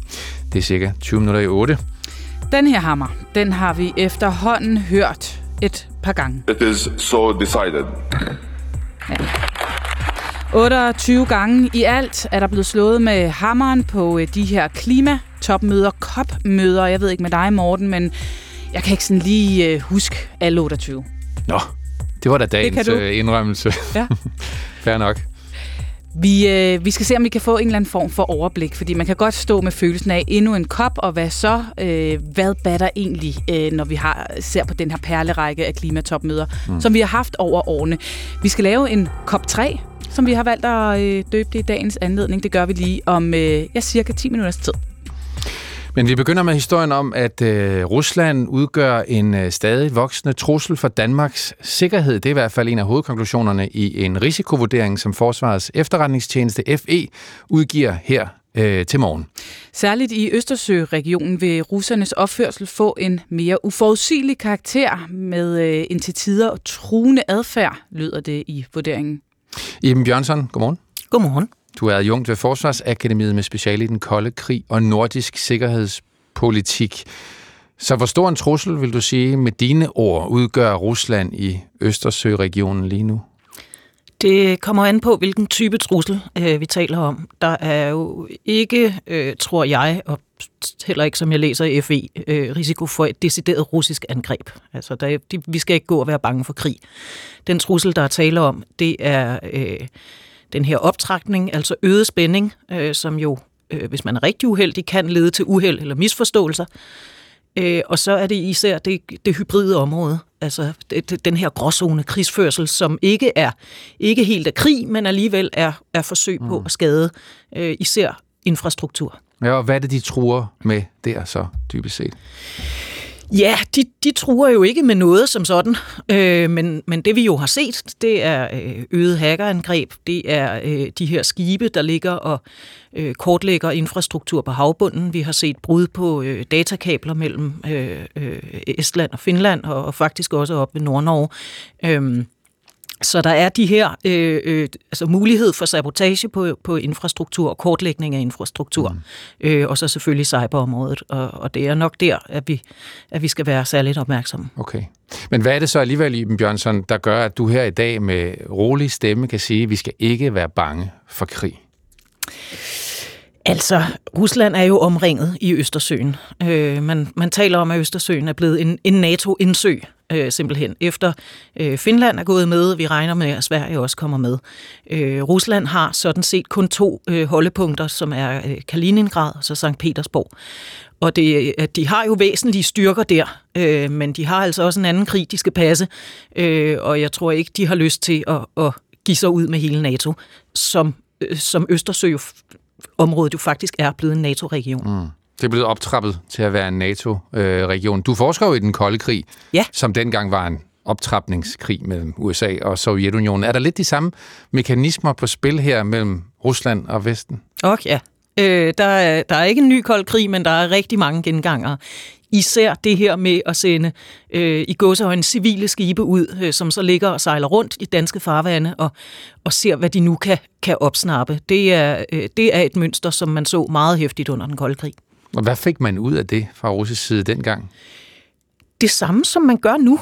Altså simpelthen kortlægning. Øh, dengang, der, der kiggede man jo øh, efter nogle andre ting, som man i dag bare kan slå op på Google Maps. Altså sådan noget med, hvordan ser kysten ud, hvordan ser havneanlæggene ud, øh, i tilfælde af en invasion, hvor kan vi gå i land. Øh, I dag, der er det jo mere øh, de her undersøiske øh, infrastrukturer, men i bund og grund er det jo det samme, og det er det her med at, at indrette eller indhente informationer og se, øh, hvor er vi sårbare.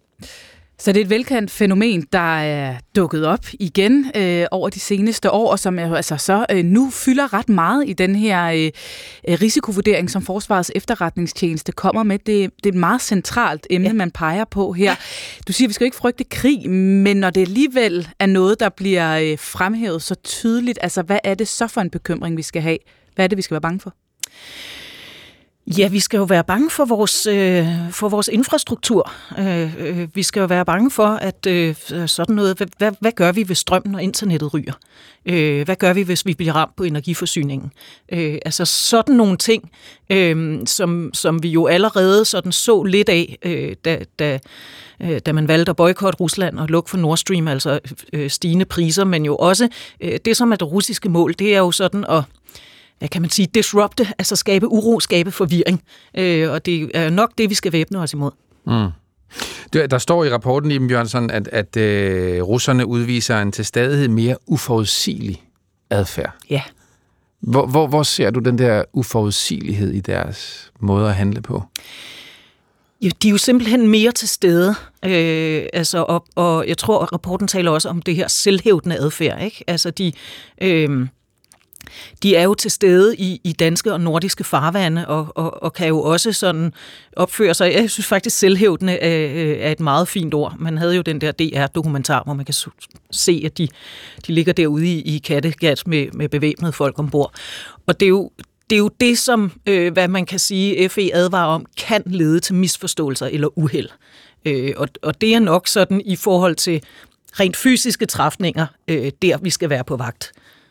Altså, hvis den ene misforståelse lige kom til at udløse, er det sådan en kædereaktion?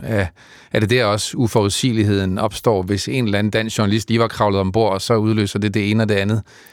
Ja, altså forhåbentlig vil der jo være øh, nogle, nogle mekanismer, som gør, at det ikke øh, kommer så vidt. Men det er jo faktisk også noget, man havde under den kolde krig, øh, hvor der jo også var den her massive, øh, hvad skal man sige, øh, konkurrence og tilstedeværelse i Østersøen, øh, at man havde altså man havde sådan et krises, krisestyringsapparat, øh, altså og, øh, og nogle kanaler til til deeskalering mm. øh, simpelthen. Og, og det det er jo også sådan noget der er brug for i sådan en situation her. Det er jo nogle, det er jo historier, vi har talt om før, altså frygten for cyberangreb og mm. undersøgelske kabler, der kunne hakkes over og så videre. Er der noget i rapporten her, som overrasker dig? Jeg øh, må tilstå, at øh, jeg kun har læst de dele, der handler om Østersøen, og der vil jeg ikke sige nej. Der er ikke de store overraskelser. Det er der ikke. Men når det så alligevel bliver, bliver fremhævet, så er det selvfølgelig, fordi det er en reel trussel, men er det også noget, altså et, jeg tænker bare, at det mange af os kan måske føle, at vi er på god afstand af, af den krig, der foregår i, øh, i Ukraine med Rusland som trussel. Er det også en reminder om, at øh, truslen faktisk er tættere på, end du og jeg måske går og, og tænker over i vores hverdag? Nej, både og. Altså, vi er på god afstand af krigen, øh, og, og jeg tror ikke, og det ser jeg heller ikke FE skrive nogen steder, øh, at, at der er egentlig krigsfare i Østersøområdet. Øh, det, det, det er simpelthen ikke øh, aktuelt lige nu. Så, så igen, øh, det vi skal være på vagt over for, det er jo det her, altså infrastruktur, påvirkningskampagner, øh, hacking, altså kommer der datalæg, får man stjålet sine oplysninger. Den slags øh, skal vi nok være mere på vagt over for. Der er, der mere er ikke... på vagt? Har vi, er, vi, er, er vi stadig lidt for dårligt klædt på? Altså, øh, det, det er jo en diskussion, som faktisk kører øh, mm. i, i medierne nu, i den offentlige debat. Det er det her, hvad, hvad stiller vi op med det her, man kalder samfundssikkerhed med et lidt bredt begreb, eller, eller resiliens. Altså, øh, øh, hvordan væbner vi os mod øh, denne her type trusler? Øh, og der kan man sige, der er i hvert fald Norge og Sverige øh, øh, sådan en, en, del, øh, en del mere oppe på beatet, end vi er. Øh, og, og det kan være, at vi skal til at, at, at se lidt grundigere på det. Tak for den øh, opfordring, Iben Bjørnsson. Selv tak. Og din analyse. Øh, adjunkt ved Forsvarsakademiet med speciale i den kolde krig og nordisk sikkerhedspolitik. Øh, om en øh, halv times tid får vi besøg af Anja Dalgaard, der er chef for Forsvarets efterretningstjeneste, og så vender vi også øh, nogle af de mange mm. trusler med, med hende. Nu er klokken kvart over syv. Da det lød sådan her i Dubai i går morges. Hearing no objection, it is so decided. Ja, så var det altså 28. gang, at der blev klappet og sat punktum ved en kop. Ja, jeg hører ikke nogen gøre indvendinger, så derfor er det besluttet, sagde han sultanen, selvom mm. der stod en masse østater ude i kulissen, der bare ikke lige var kommet på plads endnu. Lige præcis.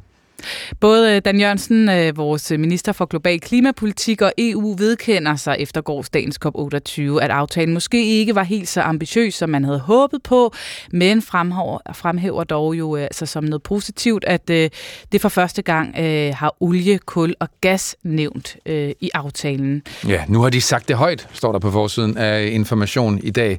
Elefanten i rummet er det endelig lykkedes nogen at nævne. Det er formidlet til verden, at den fossile æra hører fortiden til. Mm. Og spørgsmålet er så, om det er nok til, at det her det bliver en kop, vi kommer til at huske fremadrettet, eller at den kommer til at drukne i rækken af andre klimatopmøder. Vi øh, skal forsøge at øh, lave en lille COP3, altså en top 3, som vi så kan kalde COP3 i dagens anledning, for mm. ligesom at få et billede af, hvor den her også er på skalaen. Om den er i COP3, det, det ved jeg ikke endnu, men det kan være, at du ved det, Karen Julemand. Du må dog ikke øh, afsløre det endnu. Godmorgen. Godmorgen. Du er klimajournalist. Du har været med til 17 kopper. Kan det passe? Ja, sådan det tror jeg. Så du ved, hvad du taler om her. Du er den rette til at lave den her top 3 for os, COP 3 for os.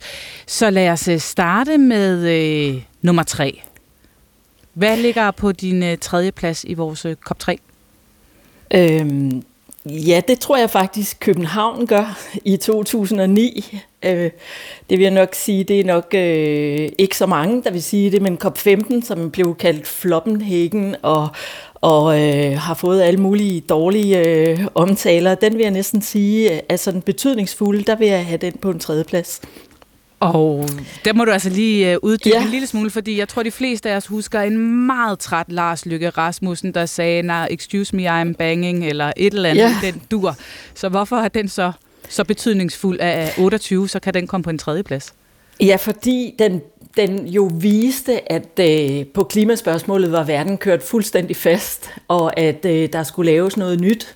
Og faktisk øh, på en god dag kan man jo sige, at hvis ikke man havde haft den fiasko i København, så havde man nok ikke banet vejen for en øh, succes i Paris nogle år efter, fordi systemet blev lavet helt om.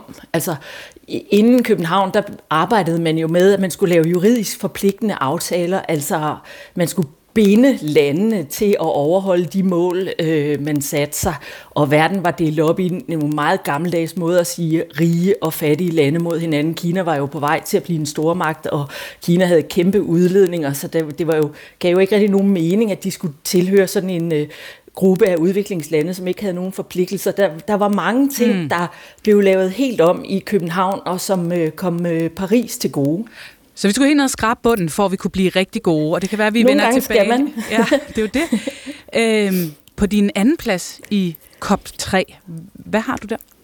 der har jeg nok, øh, der har jeg Kyoto i 1997, øh, COP3 for, i Japan, fordi øh, den var jo, den skulle jo sætte kød på det skelet, som var klimakonventionen, som blev øh, vedtaget i Rio på det store verdenstopmøde i 1992. Men, men man kan jo ikke bruge bare, at man har en ramme, sådan et stykke papir i FN, en konvention. Man, blev, altså man fandt meget hurtigt ud af, at der skal jo, hvad skal man så gøre? Hvad er, hvad er, hvad er det overhovedet, vi skal beslutte? Hvem skal gøre hvad, og hvordan, og hvor gør vi det? Og derfor så øh, øh, blev mødet i Kyoto COP3 et spørgsmål om at lave en protokol. Kyoto-protokollen blev den kaldt, og det var den, der viste, hvad for nogle forpligtelser har de rige lande, og, og hvad skal de give til de fattige, som de så aldrig gjorde. Og de forpligtelser, de fik i Kyoto, de blev også udvandet meget godt og grundigt af amerikanerne, der kom og forhandlede og forhandlede og fik øh, ambitionsniveauet sat ned. Og så da de kom tilbage med den i USA, så ville de slet ikke øh, ratificere den alligevel. Men, men det var jo den første konference, som øh, lagde nogle spor ud til, hvad er det, de forskellige lande skal gøre, og hvordan skal det foregå.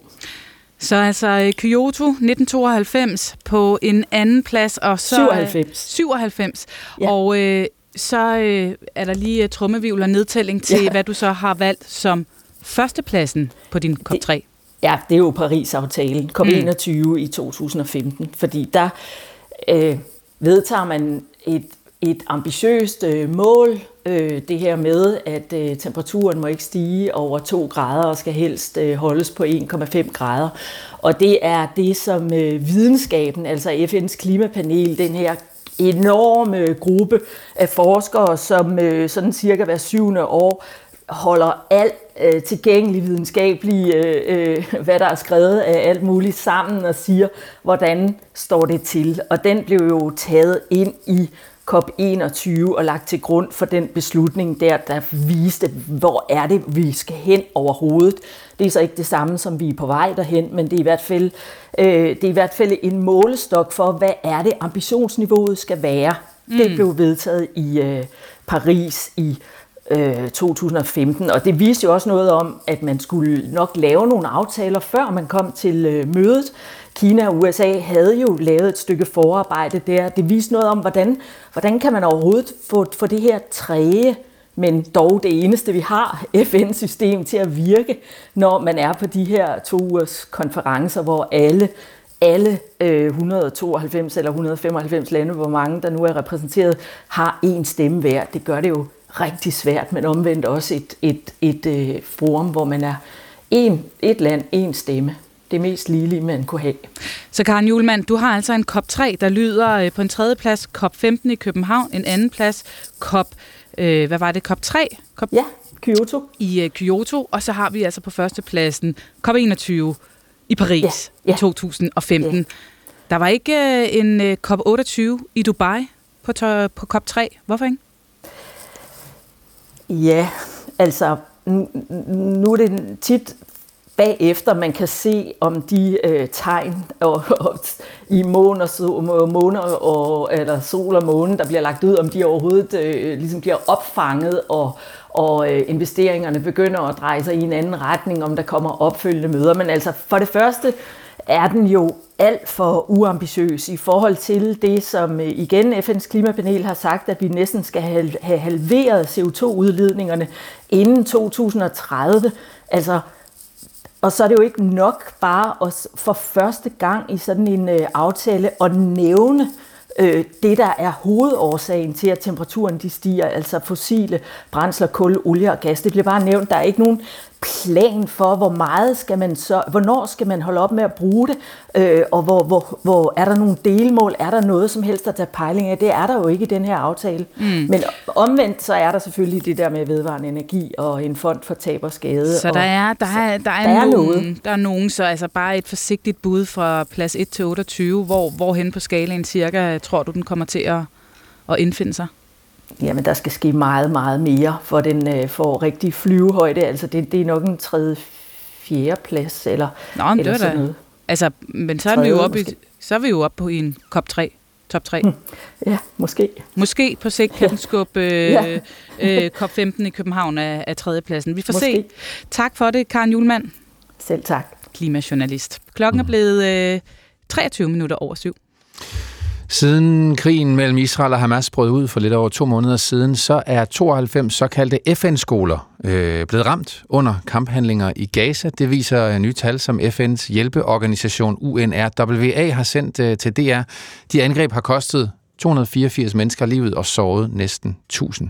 Det er opsigtsvægtende, siger Mads Korsager, der er DR's forsvarskorrespondent det siger noget om øh, karakteren af de øh, krigshandlinger, der finder sted nede i, i Gazastriben. Øh, skoler og i, øh, i, i særdeleshed FN-skoler, hvor øh, civile søger tilflugt. Øh, det burde være steder, som, øh, som ikke er omfattet af, øh, af kamphandlinger, altså steder, som ikke burde blive angrebet.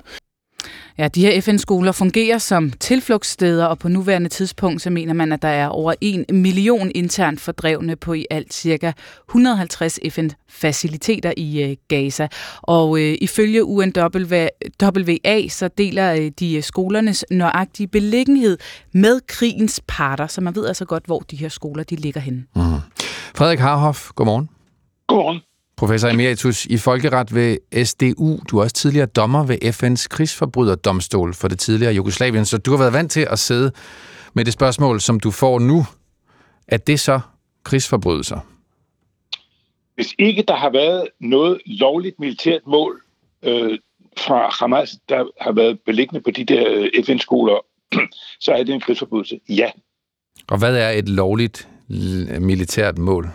Det kan være et militært hovedkvarter, der befinder sig enten i bygningen eller på bygningen. Det kan være antallet, et stort antal Hamas-krigere, der gemmer sig øh, i lokalerne. Det kan være øh, et stort våbenlager. Øh, det kan være øh, andre sådan elektroniske faciliteter, styr, styr, udstyr osv. til våben.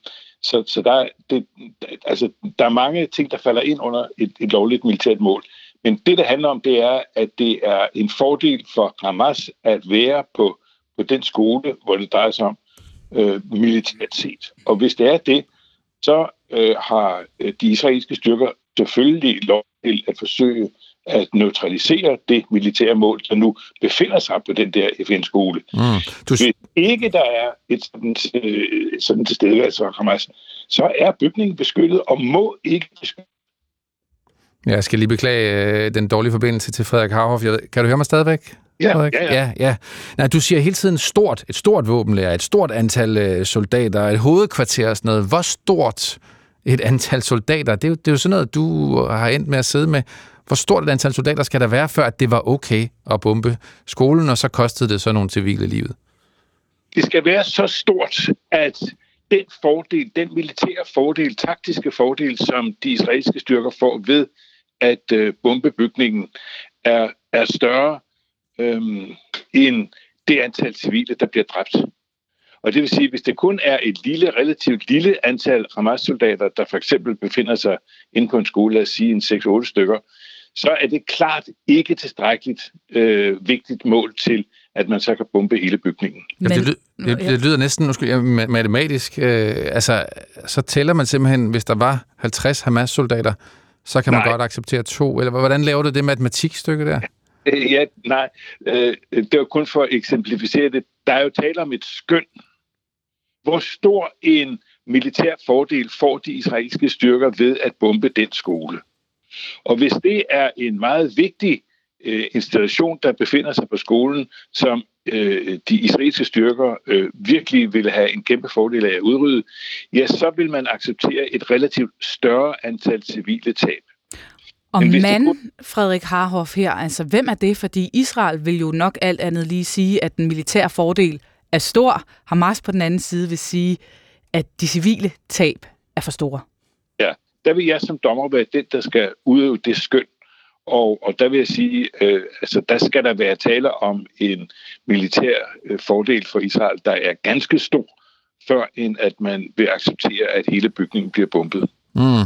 Vi har jo før, øh, øh Frederik, har jo set Israel forsøge at videodokumentere det, de gik efter. For eksempel de tunneller, der skulle være, øh, da de bombede hospitaler i, øh, i, i, i Gaza. Altså, Kan du komme det nærmere, hvor håndfaste sådan nogle beviser skal være, for at du vil lade dig øh, overbevise? De skal være så håndfaste, at det er klart, at det indebærer en, en stor militær fordel. Nu tænker vi jo mest på våbenlager og, og, og tilstedeværelsen af et stort antal Hamas-krigere. Øh, de der tunnelsystemer, de er jo, forstår jeg, udbredt i et meget stort område i, i, i jorden der under Gaza. Så, så der vil jeg sige, alene det, at der ligger en, en FN-skole, der, hvor der tilfældigvis løber en tunnel nedenunder, det er efter min vurdering øh, næppe tilstrækkeligt til, at man øh, så at den grund vil sige, så tager vi hele mm. bygningen ud. Lad os så sige, at, at, at dine kolleger på krigsforbryderdomstolen på et tidspunkt fandt ud af, at det, det, det, vil, det var næppe tilstrækkeligt. Her har de begået krigsforbrydelser. Hvad vil det overhovedet få nogle konsekvenser for Israel?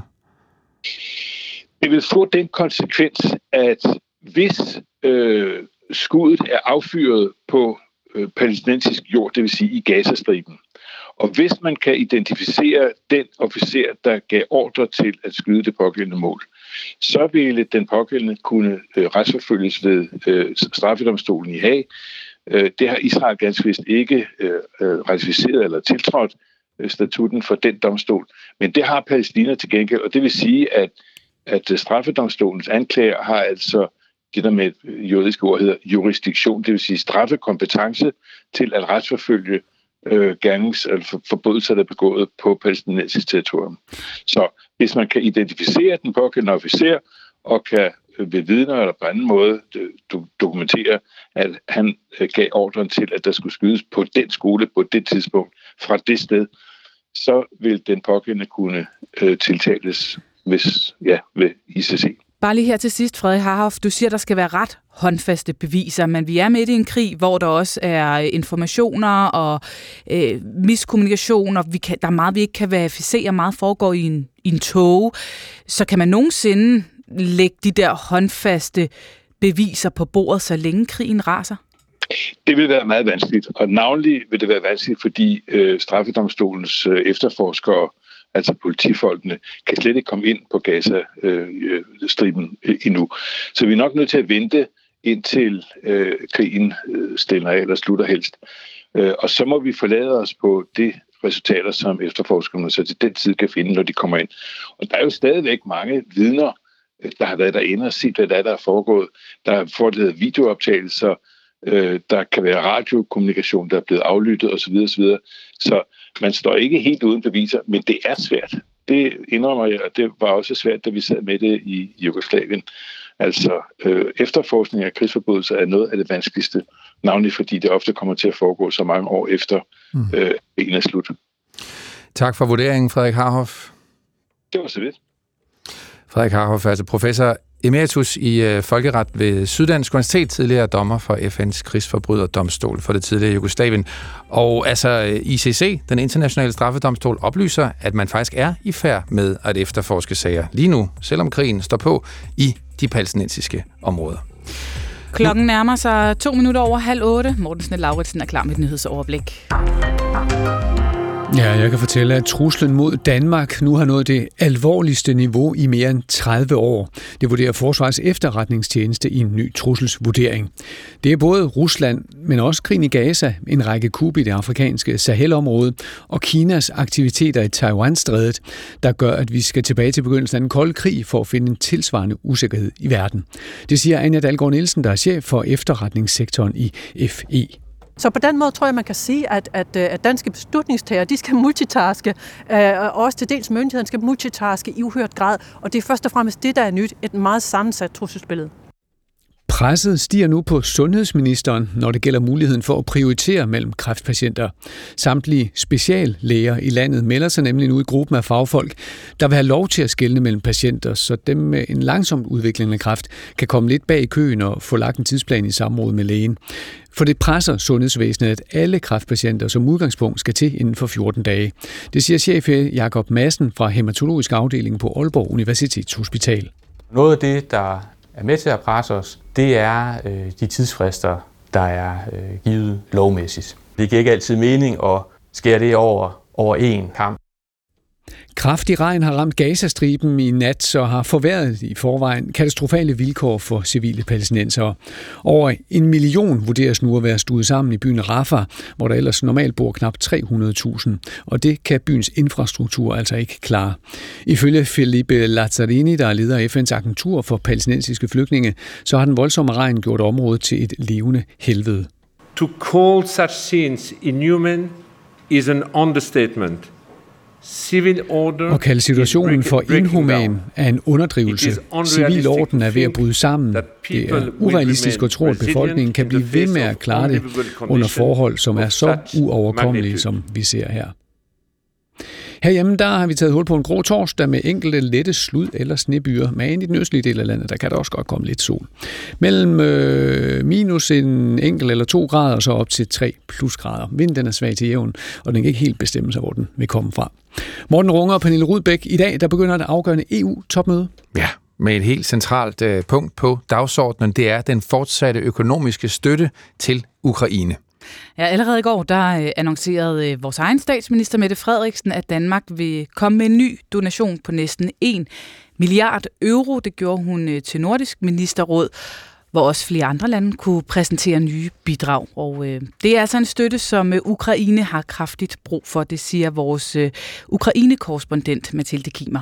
Ukraine har brug for alt, og øh, jeg tror også, at det falder på et enormt tørt sted, at man lige de seneste par dage har kunne melde til ukrainerne, at der kommer de her, altså det er jo mange penge, øh, en milliard øh, euro. Mm, I det store ukrainske system er det, er det måske ikke så meget, men det er et kæmpe stor værdi, at man kan sige, her er vores venner, og de bakker os op.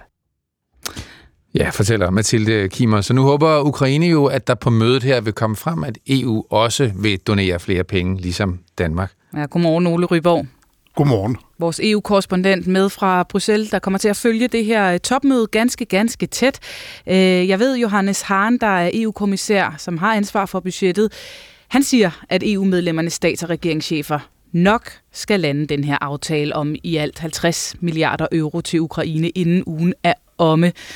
Så når han siger det, kan vi så være sikre på det? nu er Johannes Hahn jo i hvert fald en af dem, der har været kommissær længe, men det bliver nu ikke ham, der skal sidde inde ved bordet og forhandle, så jeg, øh, jeg, jeg, jeg, det, jeg tror ikke, at han er det bedste pejlemærke, men han er Nej. et af mange pejlemærker i byen.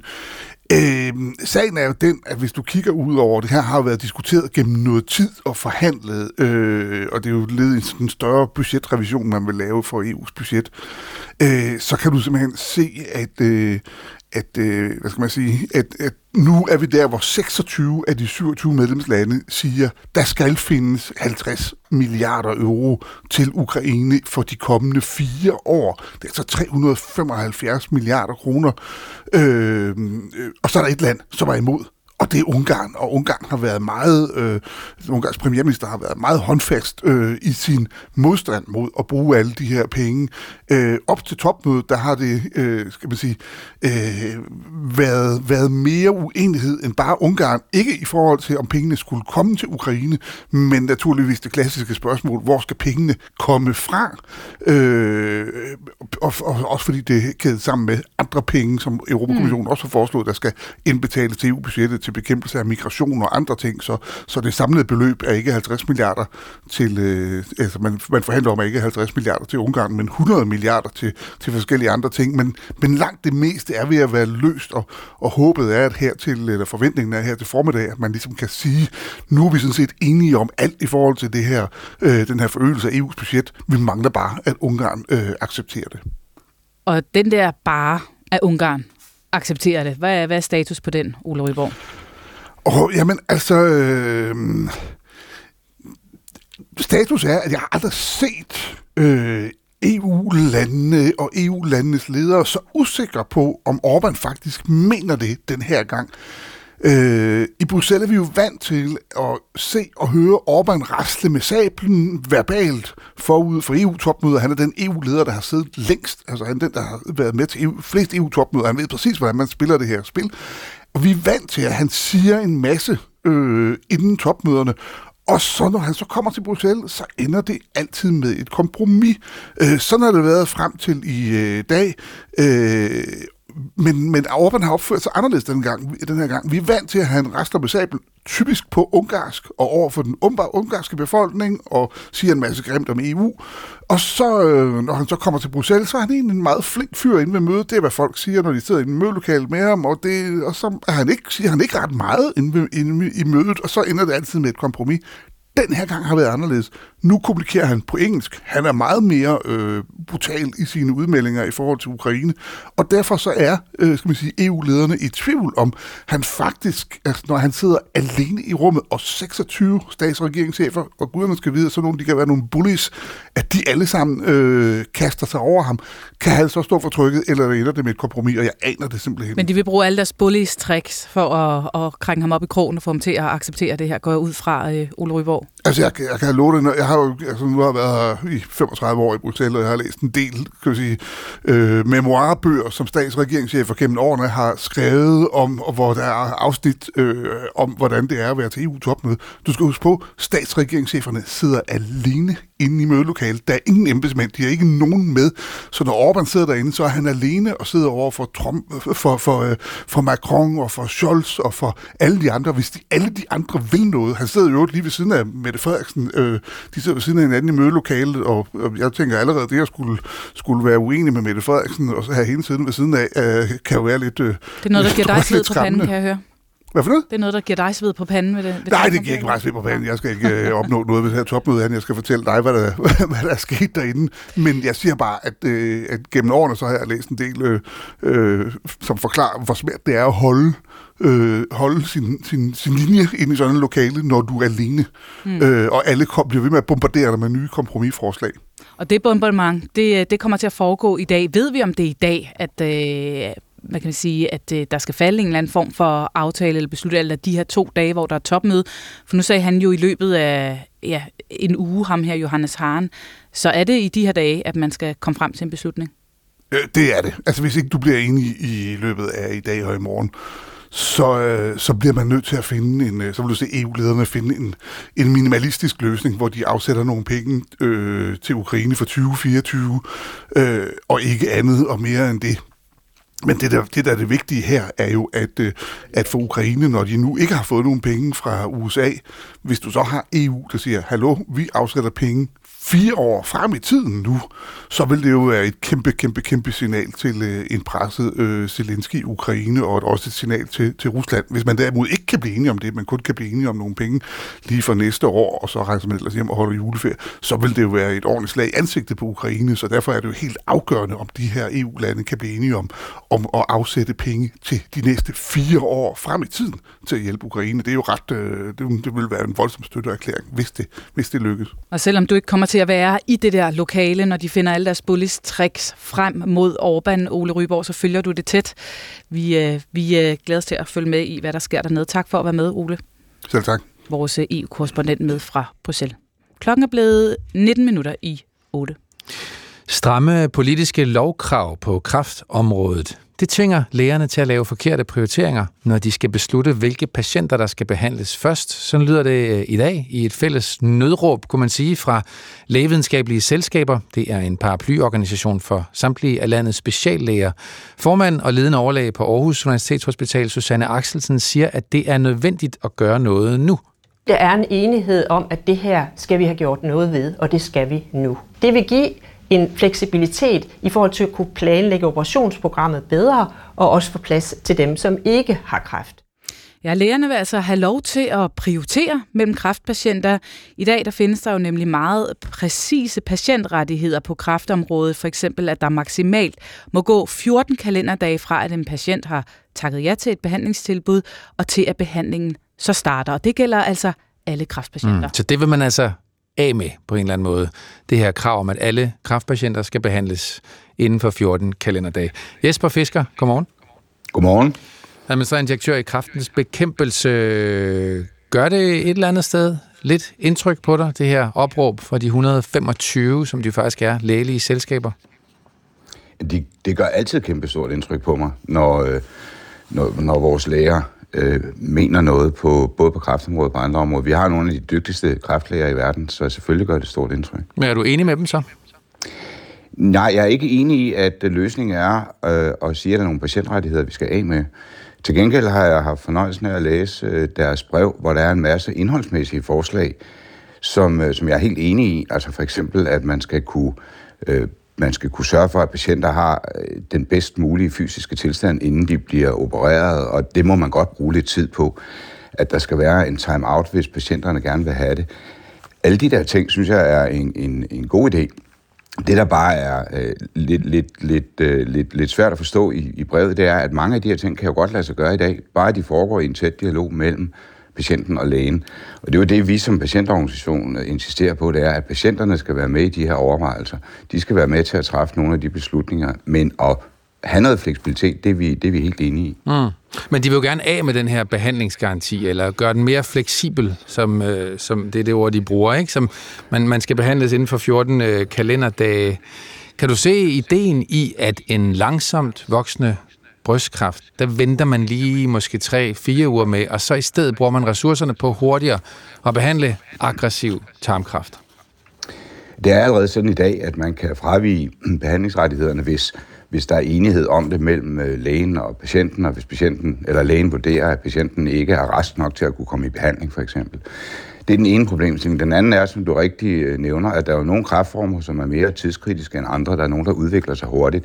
Dem, der udvikler sig hurtigst, der tror jeg, vi alle sammen er enige om, at de skal også i behandling meget, meget hurtigt, fordi der betyder tid ekstremt meget. Så er der andre kræftformer, som udvikler sig lidt langsommere. Og der vil vi gerne sammen med fagfolk være med på at se på, altså de kræftpakkeforløb, vi har planlagt, har de den fuldstændig rigtige tidshorisont? Kan man gøre det lidt anderledes, lidt mere fleksibelt? Det gør vi allerede i dag tit, hvor vi reviderer for eksempel kraftpakkeforløb, og det vil vi meget gerne være med til sammen med Sundhedsstyrelsen, sammen med de faglige selskaber. Så, så et eller andet sted, så, så hører jeg dig øh, sige, det kan godt være, at vi ender med at skulle sige, den her behandlingsgaranti for alle kraftformer for, på 14 dage, den ændrer vi, så det ikke gælder alle kraftformer. Jamen, det er faktisk sådan i dag allerede, at der er en vis fleksibilitet, fordi man kan gå ind og vurdere. Det er klart, at man opererer jo ikke patienter, som ikke er i en fysisk tilstand, hvor de kan tåle det. Øh, der er også mulighed for at sætte det på time-out, for eksempel, hvis man er enig læge og patient imellem. Der er også masser af muligheder øh, for at, at se på, hvad, hvordan skal den sidste del af livet, øh, hvordan skal den forløbe? Vil vi øh, blive ved med som patienter at have, have, have, have behandling helt ind i døden, eller vil vi måske hellere have noget lindrende behandling øh, mod slutningen af forløbet. Alle de her ting kan vi faktisk gøre i dag. Vi er ikke dygtige nok til at bruge de muligheder, det er jeg helt enig med, med de lægevidenskabelige Men jeg skal bare lige, vi bliver nødt til lige at være helt skarpe her, altså at, at ændre på de her patientrettigheder. Vil du gerne altså, patient, gøre det? Nej, patientrettighederne synes, vi skal blive ved med at være der. Fleksibilitet i den måde, vi anvender dem på, og i kraftpakkeforløb og i, i tidsforløb osv., det vil vi meget gerne være med til. Men de er jo nødt til, siger de lægerne, at ændre på fleksibilitet eller på kraftpakkerne, på behandlingsgarantien, hvis de skal kunne behandle alle. De gør det jo ikke for at være onde, de gør det for Nej, bedre at kunne behandle den Aggressiv tarmkraft for eksempel.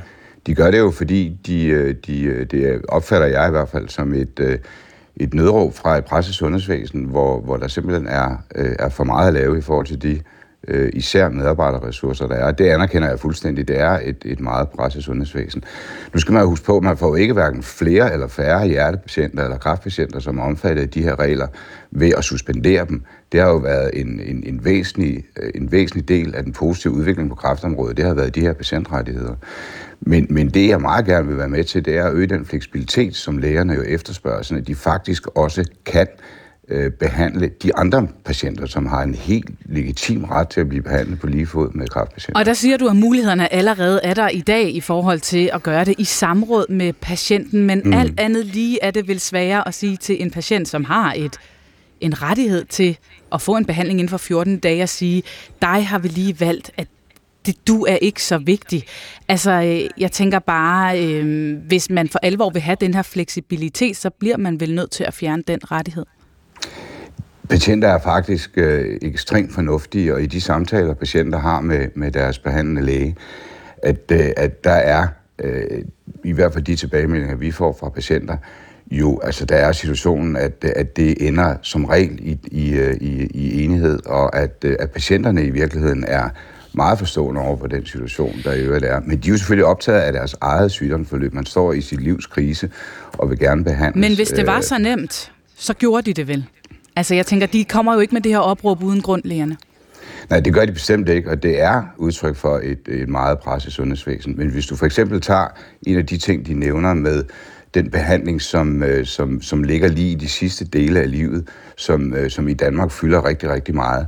Hvis vi nu øh, tog den svære samtale mellem patient øh, og læge, om, hvad er det, hvordan vil jeg gerne afslutte mit liv, hvor lang tid vil jeg behandles. Hvis vi tog os tid til at tage den samtale, den er svær, men hvis vi tog den tidligt, så vil vi faktisk kunne spare behandling også i den sidste, i den sidste ende af livet.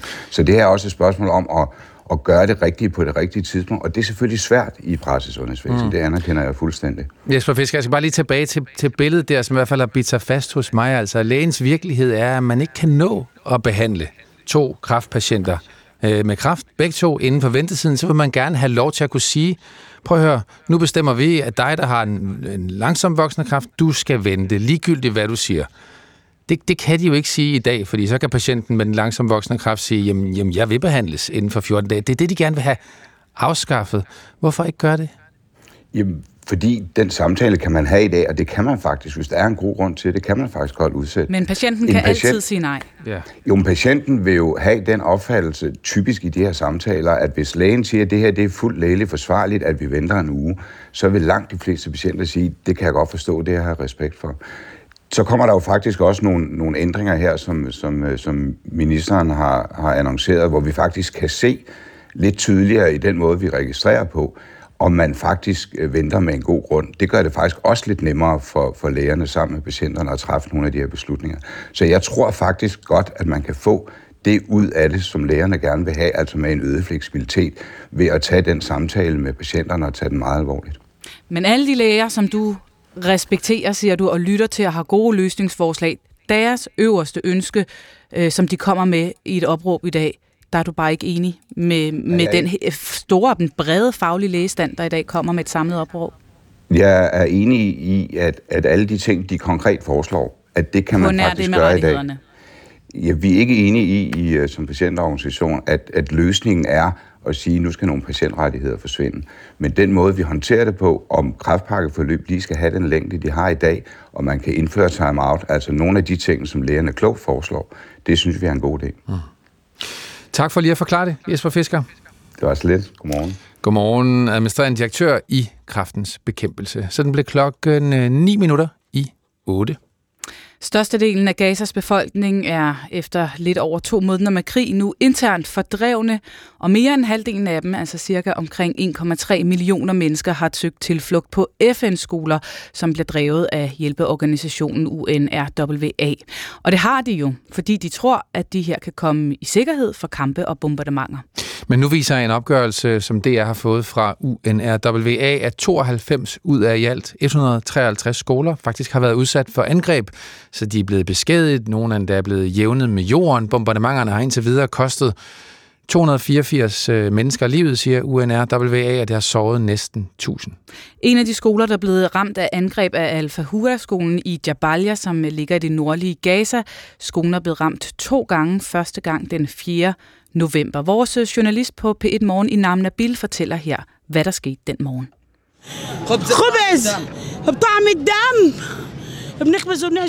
Du kan få frisk bagt brød med blodsmag til morgenmad i dag, siger Shirin Abuljachni. Shirin viser sporene frem fra et luftangreb, der momenter for enden har ramt Al-Fahura-skolen. Drengeskolen er en af 153 FN-skoler drevet af UNRWA, og den her ligger i byen Jabalia i det nordlige Gaza. Ligesom 1,3 millioner mennesker, svarende til lidt over halvdelen af Gazas indbyggere, er Shirin flygtet til netop en FN-skole, fordi de i tidligere krige mellem Israel og Hamas har kunne være i sikkerhed der fra bombardementerne. Men ikke den her gang. Ikke den her morgen den 4. november, som startede som de fleste andre morgener under krigen. Mens mændene forsøger at skaffe mel, ældre kvinderne dejen på skolens udearealer. Først hører Shirin et brag. Hun får et sug i maven, får hurtigt øje på sine børn, inden det andet brag lyder.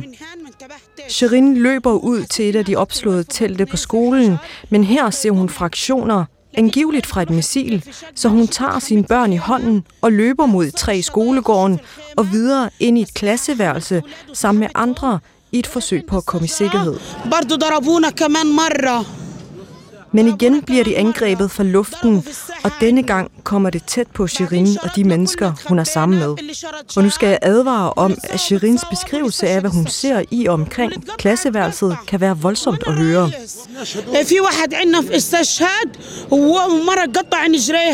Hun siger, at en person dør for øjnene af hende. At en kvinde får sit ben revet af.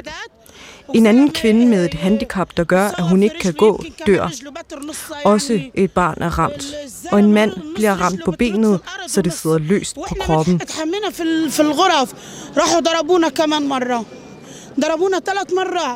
Vi kan fortælle, hvad der er sket på skolen, fordi vi i DR bruger en lokal palæstinensisk fotograf til at være vores øjne i Gaza.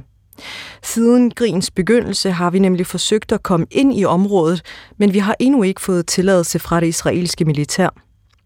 Den palæstinensiske fotograf er på tidspunktet for angrebet i det nordlige Gaza og skynder sig ud den morgen for at dokumentere, hvad der er sket på skolen.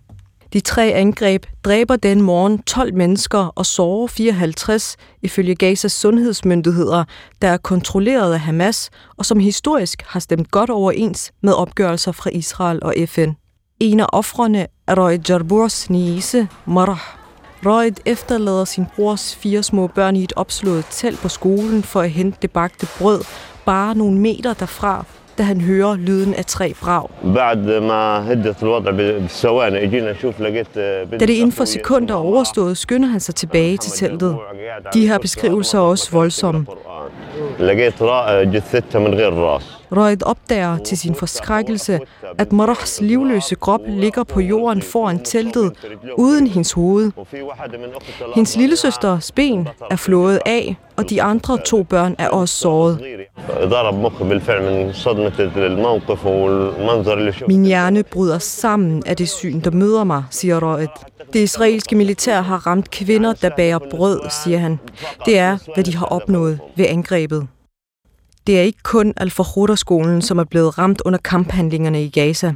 92 af i alt 153 FN-skoler blev beskadiget, og nogle endda helt jævnet med jorden, siden krigen startede for lidt over to måneder siden. Få uger efter blev samme skole ramt igen. Dengang af et luftbombardement, der dræbte 50 og sårede hundredvis. Imens står Røget og Shirin med en oplevelse af, at der ikke er noget sikkert sted at gå hen.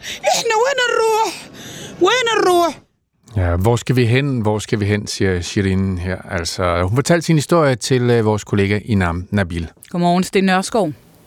Godmorgen. Journalist på udlandsredaktionen her i DR, også tidligere Mellemøstkorrespondent og med fra Jerusalem. Hvor skal de hen, spørger hun altså her til sidst. Altså, hvorfor har 1,3 millioner civile valgt at søge tilflugt på de her FN-skoler? Det har de, fordi, som man også kunne høre i, i Nabils, øh, Nabils øh, indslag, fordi de har en, en forventning om, at det trods alt, øh, selvom FN-organisationer siger, at der er ingen steder, der er sikre i Gaza, så trods alt er det mest sikre. Altså, det er skolerne, FN's skoler, og så er det hospitalerne i Gazastriben. Det er de steder, hvor folk trods alt forventer, at der er sikrest at være. Men det er der så ikke altid, kan vi jo så i dag dokumentere. Alligevel så bliver de på skolerne. Altså de her angreb har jo ikke fået dem til at, at forlade skolerne. Hvorfor bliver de? Jeg tror, forklaringen er den enkle, at, øh, at der bliver bombet over alt i Gazastriben i nord, i den centrale del og ned sydpå, også ned sydpå, hvor Israel ellers fra start har øh, beordret øh, den civile befolkning til at søge dækning, men også der bliver der nu bombet. Øh, så det er, det er trods alt det bedste, det mest sikre sted at være. Det er på en skole, som er tydeligt markeret, at det er en, øh, en FN-facilitet, enten der eller på et hospital, og det er derfor, man ser ja, stort set hele øh, øh Gazas civile befolkning øh, på flugt søge, søge derhen. Og så har man hørt fra Israels side, at øh, man mener, at Hamas gemmer våben på de her FN-skoler. Nu ved vi jo ikke med sikkerhed, hvem der har stået bag de her angreb på de alt 92 skoler, vi fortæller om i dag. Men der er jo i hvert fald også beskyldninger, der peger øh, mod Israel øh, som en del af, af angrebene i hvert fald. Hvordan forholder man sig i Israel til de her beskyldninger? Altså Israel øh, fastholder, at øh, den israelske her, at det israelske flyvevåben gør alt, hvad det kan for at undgå at ramme civile. Og det er jo, som det skal være ifølge krigens love, ifølge internationale konventioner. Men som vi, som du siger, også har kunne, kunne, øh, eller kan, kan dokumentere, og som FN øh, selv har opgjort det, så er der, altså der er nu over 100 af øh, UNRWA's, altså FN's hjælpeorganisation i Gazas faciliteter, der er blevet ramt. 92 af de steder er skoler, hvor folk har søgt tilflugt. Men altså, israelerne siger, øh, forholder sig ikke direkte til, øh, til beskyldningerne, øh, forstået på den måde, vi har nu i næsten en uge øh, hver dag forsøgt at få det israelske øh, forsvar til at kommentere FN's egne tal, men det har de altså ikke øh, kunnet eller ville. Mm. Og indtil videre, så fortsætter folk altså med at søge tilflugt på de her skoler. Hvordan ser der egentlig ud ude på de her skoler? Altså 1,3 millioner mennesker, som skal dele om pladsen på 153 skoler. Ja, det, det, det er utrolig dårlige forhold. Øh, der er mennesker overalt. Man kan tydeligt se det på de optagelser, som, øh, som vi får hjem fra Gaza, som vores fotograf derinde øh, har foretaget for os, at der er mennesker overalt. Øh, det er svært at komme af med affald. De sanitære forhold er forfærdelige. Altså, hundreder, hvis ikke tusinder af mennesker må deles om nogle enkelte øh, toiletter. Øh, badeforhold øh, findes nærmest ikke jo. Øh, så det er øh, ekstremt vanskelige forhold, og, sted, og de her skoler er fuldstændig overfyldte. Tak for at være med, Stine Nørskov. Det var så let. Journalist på udlandsredaktionen her på DR, og altså med fra Jerusalem.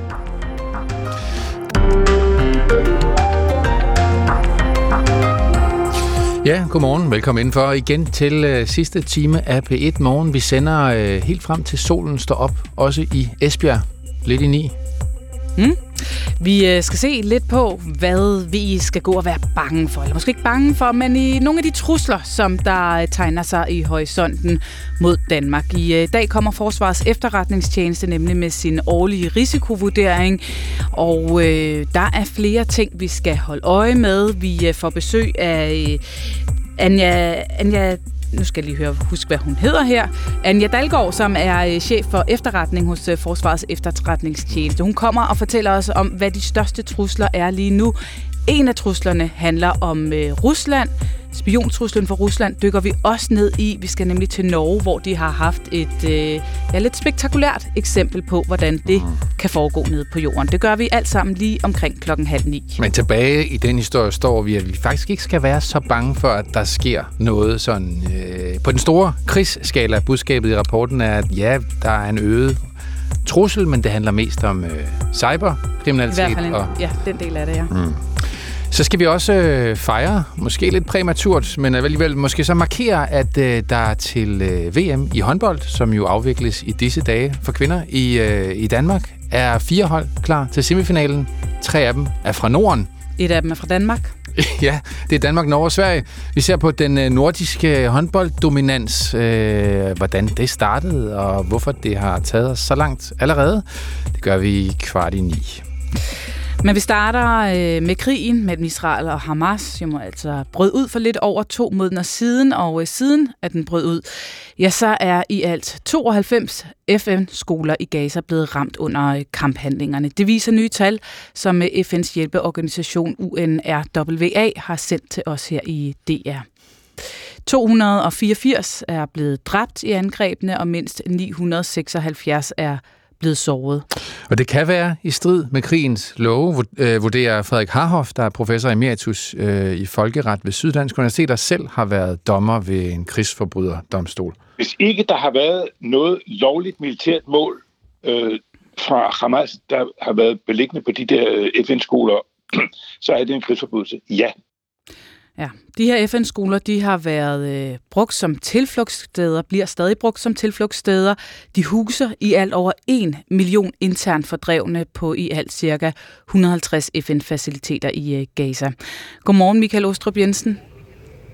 Godmorgen. Udenrigsordfører for Venstre. Hvad tænker du, når du hører, at 92 ud af de her 150 øh, FN-skoler i Gaza er blevet ramt af luftbombardementer i løbet af krigen? Jamen det synes jeg selvfølgelig er et rigtig, rigtig højt tal, øh, og også et alt for højt tal øh, i forhold til, hvad der øh, burde have været muligt i sådan en krig. Og derfor er det selvfølgelig også noget af det, der skal undersøges. Øh, det er, øh, jamen, var det nogle øh, steder, som Hamas eller andre øh, terrorgrupper brugte øh, som øh, helle øh, i et forsøg på at, øh, at, øh, at skyde derfra, og så håbe på, at Israel ikke skød igen, fordi det var skoler, eller er det noget, Israel er kommet til ved en fejl, eller er det noget, Israel har gjort bevidst. Altså, de ting bør vi nødt til at få undersøgt af de internationale organisationer, som er i gang med at undersøge alle de her forskellige øh, øh, anklager, der er om krigsforbrydelser. Men du siger alligevel, Michael Åstrup, at det er et alt for højt tal. Hvordan kan du vide, at det er alt for højt, hvis nu Israel havde ret i, at der var faktisk Hamas-krigere ved, ved skolerne? Jamen, jeg synes, det er et alt for højt tal, fordi jeg synes, det er dybt øh, skadeligt øh, for det ønske, som jeg tror, vi alle sammen har, nemlig at øh, de 2,2 millioner mennesker, der bor i Gaza, de også skal have en fremtid efter, at Hamas som terrortrussel er blevet fjernet. Øh, fordi så skal man jo altså til at genopbygge alle de her skoler. Det er noget, der kommer til at tage rigtig, rigtig lang tid. Så jeg synes, tallet er rigtig højt for det ønske, jeg har, nemlig at Gaza skal være, øh, have mulighed for en fremtid. Øh, men derudover, så understreger jeg jo kraftigt, det er, at hvis Hamas som de desværre har gjort andre steder, øh, nemlig brugte moskéer, øh, brugte civile områder osv. til at, at angribe fra, jamen så er det jo ikke Israel, der har ansvaret, så er det Hamas, der har ansvaret mm. øh, for, at de her skoler er blevet ødelagt. Der er mange viser i det her endnu, men når du kigger på det overordnede billede, så har vi altså 92 FN-skoler, som er proppet med civile, som er blevet ramt af bomber. Mener du, at Israel tager nok hensyn til civile, når de øh, indstiller bomberne? Jeg synes faktisk, Israel gør rigtig, rigtig meget. Altså alt lige fra at øh, øh, ringe alle mobiltelefoner op øh, i Gazastriben med øh, sms-beskeder om, at de skal gå til de og de zoner. Øh, de øh, prøver at indføre humanitære korridorer, øh, beskytter dem osv. Man kan diskutere hastigheden af, hvordan de korridorer blev. Det har jeg været ude at kritisere tidligere. Jeg synes, de blev indført for, for, øh, for langsomt. Men man kan også samtidig kritisere voldsomt Hamas øh, for at skyde på de her korridorer. Så, så i en krig er der jo ikke noget, der desværre er så godt, som det burde være i en normal verden. Men så jeg synes faktisk, at Israel går rigtig langt for at prøve at beskytte de civile. Så du, øh, som jeg hører dig lige nu, har stor tiltro til, at øh, Israel gør alt, hvad de kan, hvorimod Hamas er problemet? Altså Hamas er en terrororganisation, og derfor så overholder de jo ingen regler øh, helt fra udgangspunktet i, at de er en terrororganisation. Og vi ved også bevisligt, at de tidligere har skudt fra øh, totalt civile områder, både med øh, øh raketter øh, og decideret øh, været øh, i de her civile zoner. Mm. Øh, så deres historie er desværre rigtig, rigtig skadelig for Hamas, man sige på en måde, hvor Israel øh, har gjort rigtig meget. Men jeg understreger kraftigt, at hvis der kommer beviser frem om, at Israel bevidst er gået efter at ødelægge for eksempel skoler, jamen så er det øh, øh, totalt overstregen, og så er det selvfølgelig noget, som vi skal øh, komme efter dem med, og så vil jeg være den første til at stå og kritisere det, hvis de beviser kommer ja, frem. Ja, så helt konkret, hvad skal der til for, at øh, det her det kunne rykke ved Venstres opbakning til Israel? Jamen det er det, som vi, vi fortsat gør. Altså Danmark er en af de lande, som giver rigtig gode bidrag til de forskellige NGO'er, øh, som øh, indsamler beviser, øh, prøver at indsamle beviser for, hvad er det, der nøjagtigt foregår, øh, hvad er det for nogle krigsforbrydelsesanklager, som der er, øh, og, og, øh, og så simpelthen øh, få det frem mm. på bordet. For vi bliver nødt til at have beviser, før vi begynder at, at kunne sige, hvem har gjort hvad. Og så spørgsmålet, hvilke beviser, hvor de skal komme fra. Vi skal lige høre et klip med Frederik Harhoff, som er ja, vi hørte ham også før, han er professor emeritus i folkeret ved Syddansk Universitet, og han fortalte, at det jo altså kan være ret svært at efterforske, om der er foregået sådan nogle her krigsforbrydelser.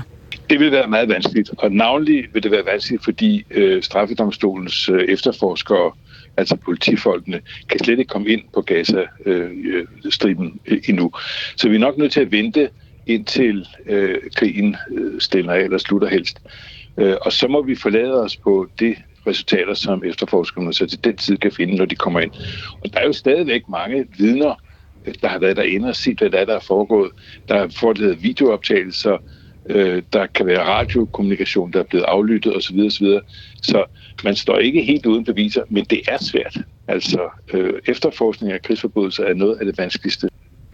Ja, øh, Michael Åstrup, du vil have beviser, hvis øh, der er noget, der skal rykke sig i forhold til Venstres støtte til Israel. Men som vi også hører Frederik Harhoff sige her, midt i en krig, der er det svært at bevise noget som helst, før støvet har lagt sig.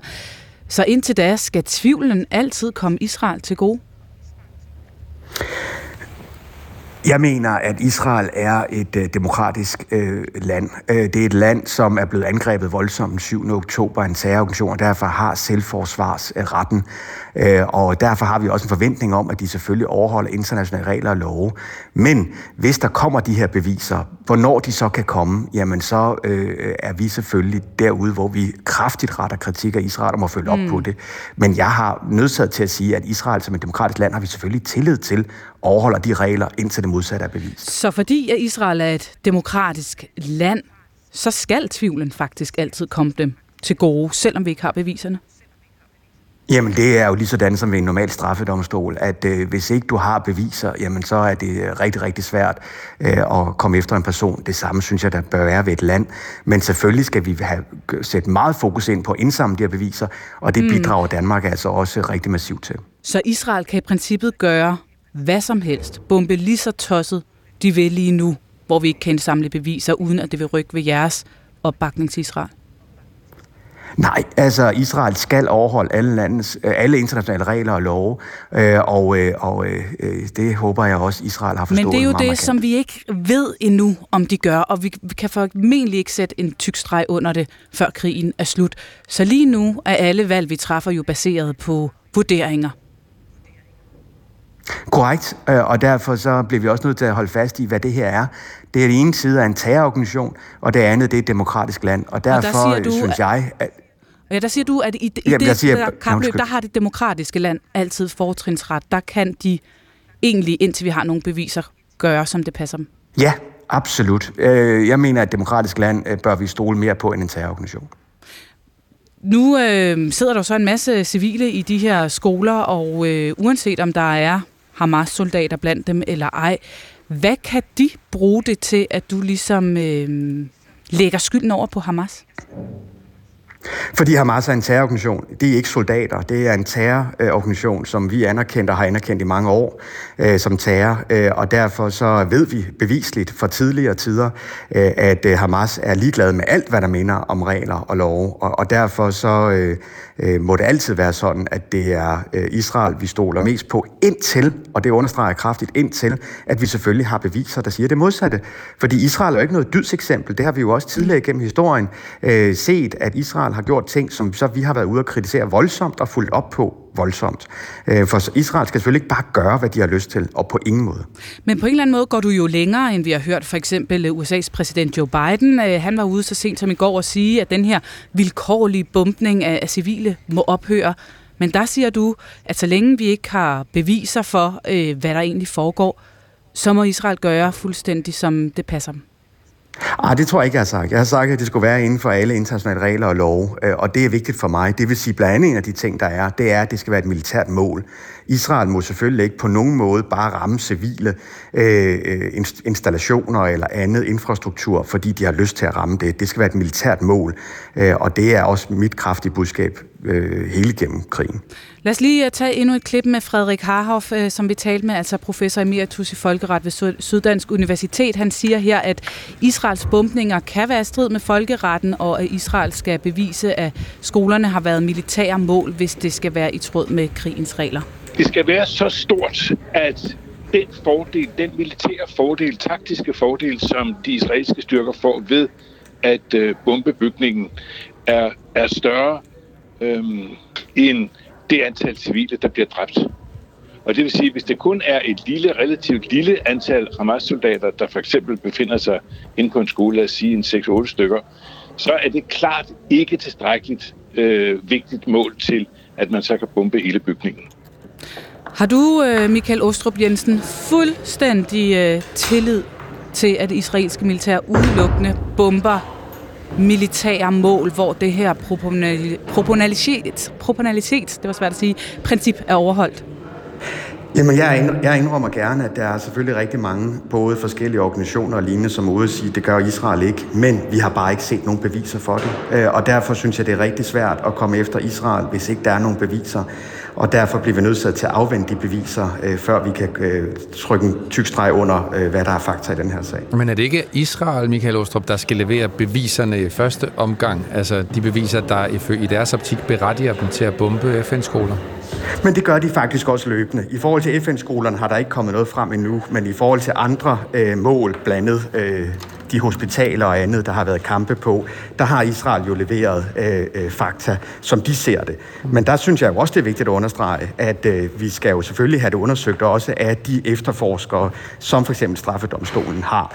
Øh, og derfor er det så vigtigt, at de også øh, øh får adgang til alt materiale så hurtigt som overhovedet muligt. Mm, men bevisbyrden ligger vel også hos Israel så nu, hvor de ikke har lagt noget frem efter de her skolebombardementer? Jamen, jeg forventer helt klart, lige sådan ved alle de andre forskellige angreb, der har været, at Israel selvfølgelig også kommer frem med noget materiale her. Og indtil da, en gang, når støvet har lagt sig, og der øh, måske kommer nogle beviser, måske ikke, som vi hørte Frederik Harhoff sige, så er det jo også svært på den anden side af en krig, så støtter Venstre Israel, no matter what. Ikke øh, no matter what, øh, men vi støtter Israel inden for alle internationale regler, fordi vi mener, at det, der skete den 7. oktober, der har Israel ret til selvforsvar, det vil sige gå efter den terrororganisation, der var. Men de skal gøre det selvfølgelig med fokus på at øh, beskytte de civile så meget som overhovedet muligt. Det har været vores budskab hele igennem siden den 7. oktober. Tak, Michael Ostrup Jensen. Ja, selv tak. Udenrigsordfører for Venstre.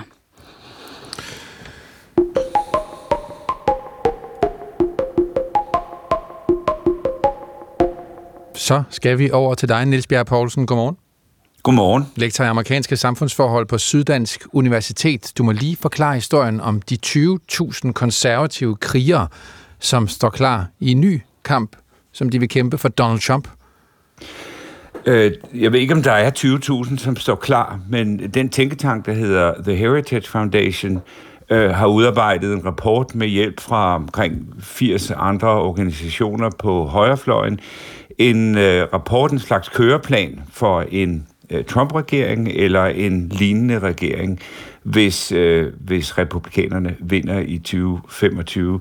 Øh, og det er en rapport, hvor det blandt andet indgår, at øh, et stor del af embedsværket skal fjernes. Øh, man skal fjerne de love, som beskytter øh, embedsfolk, og så skal de erstattes med øh, lojale øh, øh embedsfolk, som er lojale over for Trumps snarere over for den lovgivning, som de mener hidtil har forhindret Trump, eller i hans første valgperiode, øh, i at gøre de ting, han, han mm. gerne vil gøre. Og det kalder de Project 25. Hvor, hvor grundlæggende et opgør med alt, hvad vi kender USA for, vil det være, hvis Trump bliver valgt, og hvis han så gennemfører det her? Altså, uh, The Heritage Foundation uh, brød gennem i offentligheden i sin tid i 1980 ved at lave en lignende køreplan. Dengang kan man sige, var det så mere en konservativ køreplan. Uh, men det, der var nyt dengang, var, at de lavede sådan en rapport, en, en køreplan, hvor der var også angivet navne på folk, de mente burde øh, stå for øh, de forskellige ministerier man kan sige, at der er så sket meget med Heritage Foundation i mellemtiden. Nu er det måske ikke en konservativ organisation, men mere en øh, organisation, som anbefaler et øh, mere autoritært styre, og der er ligesom en klar målsætning i det her om at nedbryde det, Trumps øh, rådgiver Steve Bannon kalder den administrative stat. Så der er blandt andet tale om at bruge det, den øh, såkaldte Insurrection Act, altså give mulighed for at bruge militæret til at, at, at, at kontrollere protester, der måtte komme, når man altså udskifter en stor del af, af embedsværket i Justitsministeriet og folk i FBI og andre steder for at komme sine politiske modstandere til livs. Mm. Så man kan måske sige, at det er en meget anden type øh, det, de lægger op til i den rapport, er ikke, hvad man vil kalde et liberalt, forfatningsbaseret demokrati med øh, checks and balances. Mm. Men de er jo ikke de eneste øh, alligevel, som som lægger op til at skære på en eller anden måde i embedsværket, eller skifte noget ud. Trumps nærmeste konkurrent, øh, Ron DeSantis, har sagt, at han vil begynde at, citat, snitte halse på offentligt ansatte på dag 1, ja. hvis han bliver præsident. Er, er de republikanske kandidater enige om at gå så hårdt til værks mod embedsværket? Nej, man, man kan måske dele de republikanske kandidater op, og vi skal jo huske, at Trump fører kæmpestort over nogle af de andre kandidater i kampen om at blive øh, republikanernes øh, præsidentkandidat. Men der er et par stykker, der har tænkt, at det, de skulle tilbyde, var at være nogenlunde det samme som øh, Trump, eller Trump 2.0, og Ron DeSantis, Floridas guvernør, er, er en af dem. Øh, men så er der jo andre kandidater, som man kan sige, at der er en forventning om, at de ville være mere traditionelle republikanske præsidentkandidater. Altså Nikki Haley, den tidligere FN-ambassadør, er en af dem. Men de er jo langt øh, bagud i, i meningsmålingerne. Man kan sige, den rapport Heritage Foundation har lavet, er mest af, først og fremmest en køreplan i virkeligheden til Donald Trump, eller nogen, der er en, der ved det samme som Donald Trump. Og vil, altså jeg skal bare lige forstå, altså nu er det Donald Trump, der ligger lunes til at blive, øh, blive valgt, hvis det er en øh, republikaner, der, der løber med, med sejren ved præsidentvalget. Altså kommer der mm. så 20.000 konservative kriger, som skal Jamen, ind i og udskifte øh, de andre? Dem, øh, jeg ved ikke, om dem skal man jo finde først, men der er ingen tvivl om, at der er ligesom to fortællinger om, øh, hvad der skete i, i, i Trump, og hvad der var øh, formidlende omstændigheder for Trumps modstandere, øh, politiske modstandere. Der var det en formidlende omstændighed, da han var præsident, at han var så inkompetent til at gennemføre de ting, han, han øh, gerne ville, og at der trods alt var det, nogen kaldte de voksne omkring ham, altså folk, der fortalte det her, altså i strid med lovgivningen, det kan vi ikke øh, gøre. Øh, for Trumps tilhængere, Øh, øh, der var han fuldt kompetent, men der var der den dybe stat, som de kalder det. Altså der var der ligesom et embedsværk, som forhindrede ham i at føre de ting, han gerne ville ud i, i verden, og derfor ville løsningen, hvis han blev valgt som præsident, være at få fjernet de folk, det vil sige det embedsværk, som forhindrede ham i at gøre ting, og det gjorde de jo, fordi det var i strid med lovgivning og, og ulovligt, men, men øh, for Trumps tilhængere, der var det øh, ligesom, øh, de bliver i denne her rapport omtalt som kulturmarxister. Det er så dem, der skulle på en eller anden måde fjernes, så der kom lojale folk, som mere øh, som gjorde, hvad Trump ville have, de skulle gøre, snarere end at se på, hvordan den eksisterende lovgivning mm. er. Tak fordi du var med, Niels Bjerg Poulsen. Jamen selv tak lektor i øh, amerikanske samfundsforhold på Syddansk Universitet.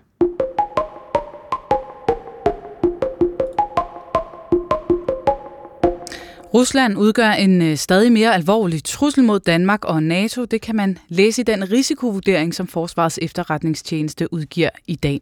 Særligt spionage mod Danmark og NATO-landene fylder meget i risikovurderingen. Ruslands spionage mod kritisk infrastruktur, eksempelvis infrastruktur for energi og kommunikation, har blandt andet til formål at forberede fysisk sabotage eller destruktive cyberangreb, som den russiske stat kan iværksætte i tilfælde af en eskalerende konflikt, kan man læse i rapporten. Og den her trussel, den øh, kender de alt til i Norge. Her der er en øh, gæsteforsker ved Universitetet i Tromsø blevet sigtet for spionage, og i går der erkendte han så, at han er fra Rusland. Det er opsigtsvækkende, fordi han kom til Norge på et brasiliansk pas. Der hedder han José Assis Diamaria. Hans rigtige navn har vist sig at være Mikhail Valarevich Mikushin. Det er jeg ikke sikker på, at jeg fik sagt helt rigtigt, mm. men noget i den retning. Det, øh, det erkender han nu. Godmorgen, Thomas Wiener Fris. Godmorgen. Historiker og lektor på Center for Koldkrigsstudier på Syddansk Universiteter. Du, øh, du ved lidt om den her spiontrussel fra Rusland øh, og den her historie fra Norge. Lad os starte der. Hvem er han, ham her, Mikhail Miskushin? Ja, men Michael, eller Rosé, som han jo så huserede under i, i Norge, øh, var en såkaldt illegal, altså en, en agent, der opererede under en falsk identitet i Norge. Øh, altså en helt speciel og en helt speciel kategori af, af russiske agenter, man kan sige, det er en slags øh, agenterhvervet Schweizerkniv. Nogle af dem, der kan næsten det hele, og, og som er dyre at producere og tager lang tid at lave. Så, så det var ikke, ikke, ikke helt uvæsentlig fangst, at nordmændene gjorde her sidste år. Og hvad var det for en spionage, han er mistænkt for? Ja, det er jo i virkeligheden det svære ved det. Øhm, han er, man ved, at han var på, på universitetet. Hvad han egentlig laver, øhm, det kan man stort set ikke rigtig finde ud af. Man kan gætte sig, det er også det, at de, de norske myndigheder, at der, der, er meget, øh, der, er en, der er en del gætværk i det her. Hvis man ikke har en insiderkilde i den russiske efterretningstjeneste, så lige præcis, hvad han har sendt ud til at lave, om han skal være det, der hedder en resident, altså en, der skal styre andre kilder, en instruktør for andre kilder, eller om han er sendt afsted for at trænge ind i et, et objekt. Det er svært at sige øh, præcis, og det er jo i virkeligheden noget af det, der er det vanskelige ved at føre spionsager, og derfor at, at øh, fjendtlige tjeneste jo bruger hele retsstatens repertoire til at forsøge at skabe usikkerhed omkring, øh, omkring den, den her slags sager. Ja, så prøv lige at skrive ud i pap. Altså, nu ved vi ikke præcis, hvad han har lavet, men hvad kan ideen være ved at sende en, en Rusland, øh, en, en, en russer under dække af at være brasilianer til et land som Norge, eller Danmark måske, øh, arbejde som, som forsker, og så, altså, hvad er det, man kan få ud af det? Ja, vi skal tænke på, at den her type specialtrænede illegale, de har, øh, de har forudgående fået, øh, fået en instruktion i, øh, og, altså fået, ham her, han har, gået, ham her har angiveligt gået på GAU-skole, altså militær efterretningstjeneste skole i, i Rusland, Øhm, og derfor skulle de være særlig velegnede, for eksempel til at kunne drive og værve øh, agenter i udlandet. Og så skal man tænke på, at noget af det, der er det vigtige, det er, at de skulle meget gerne være i stand til at operere uden kontakt til ambassaderne, altså i et et netværk, så at sige, som ikke er afhængig af, at der er en russisk ambassade, og det, der hedder et legalt residentur, altså efterretningsfolk på den russiske ambassade, øh, som kan øh, operere. Og det er vigtigt i øjeblikket, fordi vi jo sidste år så et altså helt øh, historisk hårdt angreb fra vestens side mod de, de russiske ambassader i, i hele verden. Altså over 500 russere blev udvist fra Vesten, og det skal vi prøve at sætte i, i relation til, at under den kolde krig, som trods alt varede, øh, varede 40 år, øh, der sendte vi kun øh, 1.300 ud. Så, så altså, spionkrigen bølger på det højeste plus i øjeblikket, og siden Ukrainekrigen startede faktisk. Så du siger, at vi må forvente, at der faktisk render en hel del russiske spioner rundt blandt os, også i Danmark? Ja, det er der ingen tvivl om, at, at vi forventer fra vestlig side. Men hvis vi ser på, hvordan vi har håndteret det, altså her siden foråret 2000 og, øh, 2022, øh, øhm, jamen så har man også gjort sit absolut yderste for at stikke dem, og for at øh, altså dels at, at stoppe konkrete aktioner. Man har været masser af arrestationer både i Norge, og i Sverige, og i Tyskland, og senest også i England, i Slovenien, øh, Østrig. Altså listen er utrolig lang af, hvad der har været af, øh, af arrestationer hen over det seneste halvandet års tid. Øhm, og skal vi tænke på, at den type øh, modforholdstag, som vi tager på vestlig side, specielt når vi gør det offentligt, skaber en frygt derude. Altså hvis man sidder som russisk agent, og det er en frygten, har man altid med sig, men når at den her, sager, den her type sager kommer op, jamen så får man forstærket den, og det er med til at faktisk at hæmme deres muligheder for at arbejde, og russerne har virkelig behov for det i øjeblikket. Tak for at være med her til morgen, Thomas Wiener Friis. Det var så lidt. Historiker og lektor på Center for Koldkrigsstudier på Syddansk Universitet. Jeg må med skam melde, at jeg godt kan grine af Adam en gang. Ja, det har du fået skubbet. 4. division. En af de ting, der gør dig sjov, er jo også dit sproglige overskud. Når du kaster dig ud i dialekter, du kan jo tale øh, alle tænkelige former. Det, jeg tror, vi skal videre. Er der nogen, der gider komme med ting? Nå, bevares. Jeg var ellers helt klar på at tale om sådan noget med at have funny bones, der kunne se ting, der var sjovt og sådan noget. Men vi skal videre. Ja. Det skal vi åbenbart, når vi snakker om Adam. Han er ikke så god til at kigge ind i sig selv. Nej, skal altså, vi ja, ja, jeg synes, 4. division tager ugens historier og hinanden under kærlig behandling. Fredag kl. 14 på P1 i DR Lyd. Så er det nyhedsbilledet, der skal under kærlig behandling af Morten Snell Lauritsen. Klokken er et enkelt minut over halv ni. Her kommer han. Og jeg kan fortælle, at truslen mod Danmark har nået det højeste niveau i mere end 30 år, og det er især på grund af Rusland. Det fastslår Forsvarets efterretningstjeneste i en øh, årlig trusselsvurdering, der udkommer i dag. Rusland spionerer nemlig mod infrastruktur her i Danmark, og vil sandsynligvis være i stand til at udføre sabotage, lyder vurderingen. Og der er grund til bekymring, mener Iben Bjørnsson, der er adjunkt ved Forsvarsakademiet. Vi skal jo være bange for vores infrastruktur. Vi skal jo være bange for, at øh, sådan noget, hvad, hvad, hvad gør vi, hvis strømmen og internettet ryger? Øh, hvad gør vi, hvis vi bliver ramt på energiforsyningen? Øh, altså sådan nogle ting. Og lige om lidt, der taler vi så med chefen for efterretningerne hos FI. Først var det landets kirurger, så var det en række kræftlæger, og nu er det som mænd også speciallægerne, der vil have et opgør med kræftpatienters rettigheder. I dag der kommer paraplyorganisationen Lægevidenskabelige Selskaber, nemlig med et opråb til sundhedsminister Sofie Løde, hvor de beder om lov til at prioritere mere mellem kræftpatienterne. Og ministeren hun er klar til at se på, om selve kræftforløbene kan tilrettelægges bedre, men hun vil ikke ændre på patienternes rettigheder. Jeg synes, vi skal diskutere, hvordan vi i højere grad kan skræddersy behandlingen bedre til patienterne, men jo ikke med en præmis, der handler om, at nu skal vi til at fjerne eller forringe kraftpatienternes rettigheder. Det er jeg ikke indstillet på. Der er meget på spil for Ukraine, når statsminister Mette Frederiksen og de øvrige EU-stats- og regeringschefer her til formiddag mødes til et afgørende topmøde i Bruxelles. Her skal de diskutere fortsat støtte til Ukraine og et muligt EU-medlemskab ude i fremtiden. Og selve støtten fra EU er afgørende for ukrainerne, det fortæller vores Rusland- og Ukraine-korrespondent Mathilde Kimer. Det er penge, der skal gå til, til budgettet. Det er til sygeplejersker og skolelærer. Øhm, så, så uden dem kan, kan Ukraine simpelthen ikke hænge sammen lige nu. Vi har taget hul på en grå torsdag, hvor der kommer enkelte lette slud eller snebyer, men måske også lidt sol mod øst. Fra lige under frysepunktet til 3 graders varme. Vinden den er svag til jævn fra skiftende retninger. Morten Runge og Pernille Rudbæk, truslerne mod Danmark hober sig op. Ja, og du lovede jo, at vi ville tale med chefen for efterretningstjenesten. Det er dig, Anja Dalgaard. Godmorgen. Øh, nej, det er det så ikke. Jeg er chef for efterretningssektoren, ja. ikke chef for efterretningstjenesten. Ej, korrekt. Chef for efterretning hos Forsvarets efterretningstjeneste. Præcis, og ja. tak for den fine introduktion. det er godt. Det, det. Vi har talt rigtig meget om, øh, også her i nyhedsoplægget, om truslen fra Rusland. Øh, vi kan måske huske historierne fra dokumentarer med russiske skibe, men vi ved formentlig, at de var ude efter at se, om der lå undersøgelske kabler. Men noget af det, I skriver i jeres rapport, er også, at truslerne kommer andre steder fra. Fra Israel, Hamas og fra Kina. Og det skal vi tale lidt om. Hvordan påvirker øh, krigen mellem Israel og Hamas trusselsbilledet herhjemme lige nu?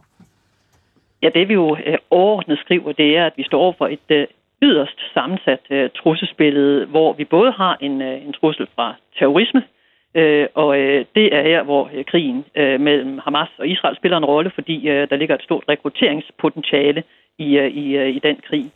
Øhm, men øh, samtidig står vi over for, som I også har dækket øh, grundigt her til morgen, en, øh, en trussel fra, fra Rusland, ikke en militær trussel, for vi vurderer ikke, at Rusland ønsker at komme i krig øh, øh, med NATO, men snarere en, øh, en trussel, fordi Rusland er villig til at uh, skrue op for det, vi kalder hybride virkemidler, mm. øh, herunder øh, øh, aggressiv øh, adfærd, øh, truende retorik, øh, påvirkningskampagner øh, og, og den form for, den form for virkemidler. Mm. Hvis jeg bare lige må hive dig tilbage til Israel-Hamas-krigen og de konsekvenser, den har øh, for, for os her. Du siger et stort rekrutteringsgrundlag. Øh, Hvem er det, der rekrutterer? Hvem? Ja, hvis vi zoomer ind på terrortruslen, så øh, skriver vi jo, at den er alvorlig. Øh, og, og hvad vil det sige? Øh, jamen, det vil sige, at øh, der er nogen, der både har vilje og evne til at gennemføre terrorangreb mod Vesten.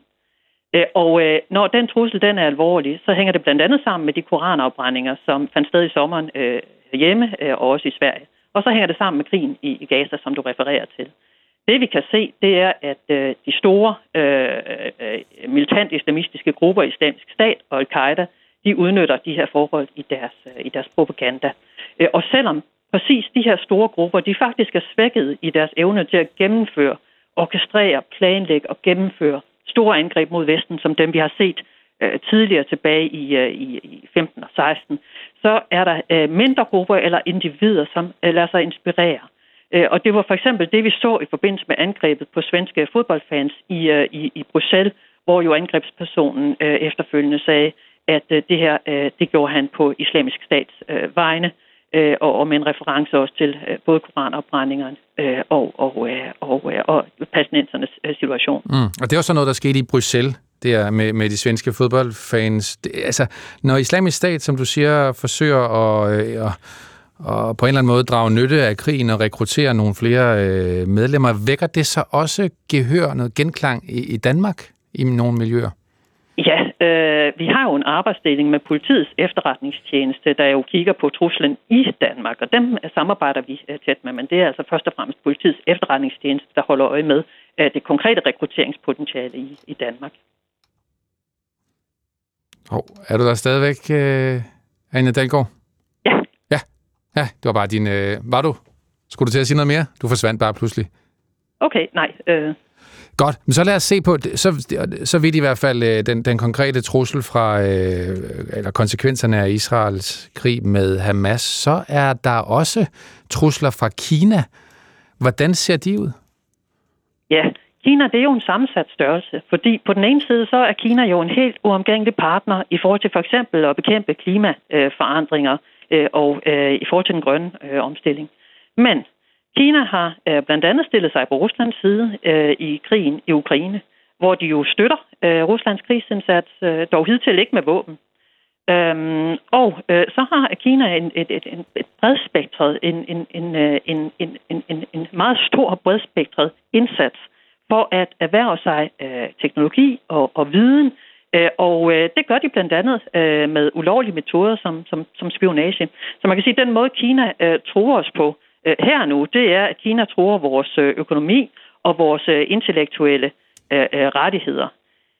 Så er der så derude i horisonten en, øh, en situation omkring Taiwan, der spidser til. Og øh, Kina har øh, hævet sin militær tilstedeværelse i Taiwan-strædet. Og det er ikke fordi, vi regner med, at øh, Kina står lige over for at invadere øh, Taiwan. Men hvis det sker, og USA bliver trukket ind i den konflikt, så er det noget, der vil få enorme konsekvenser for vores øh, økonomi og for vores øh, forsyningskæder.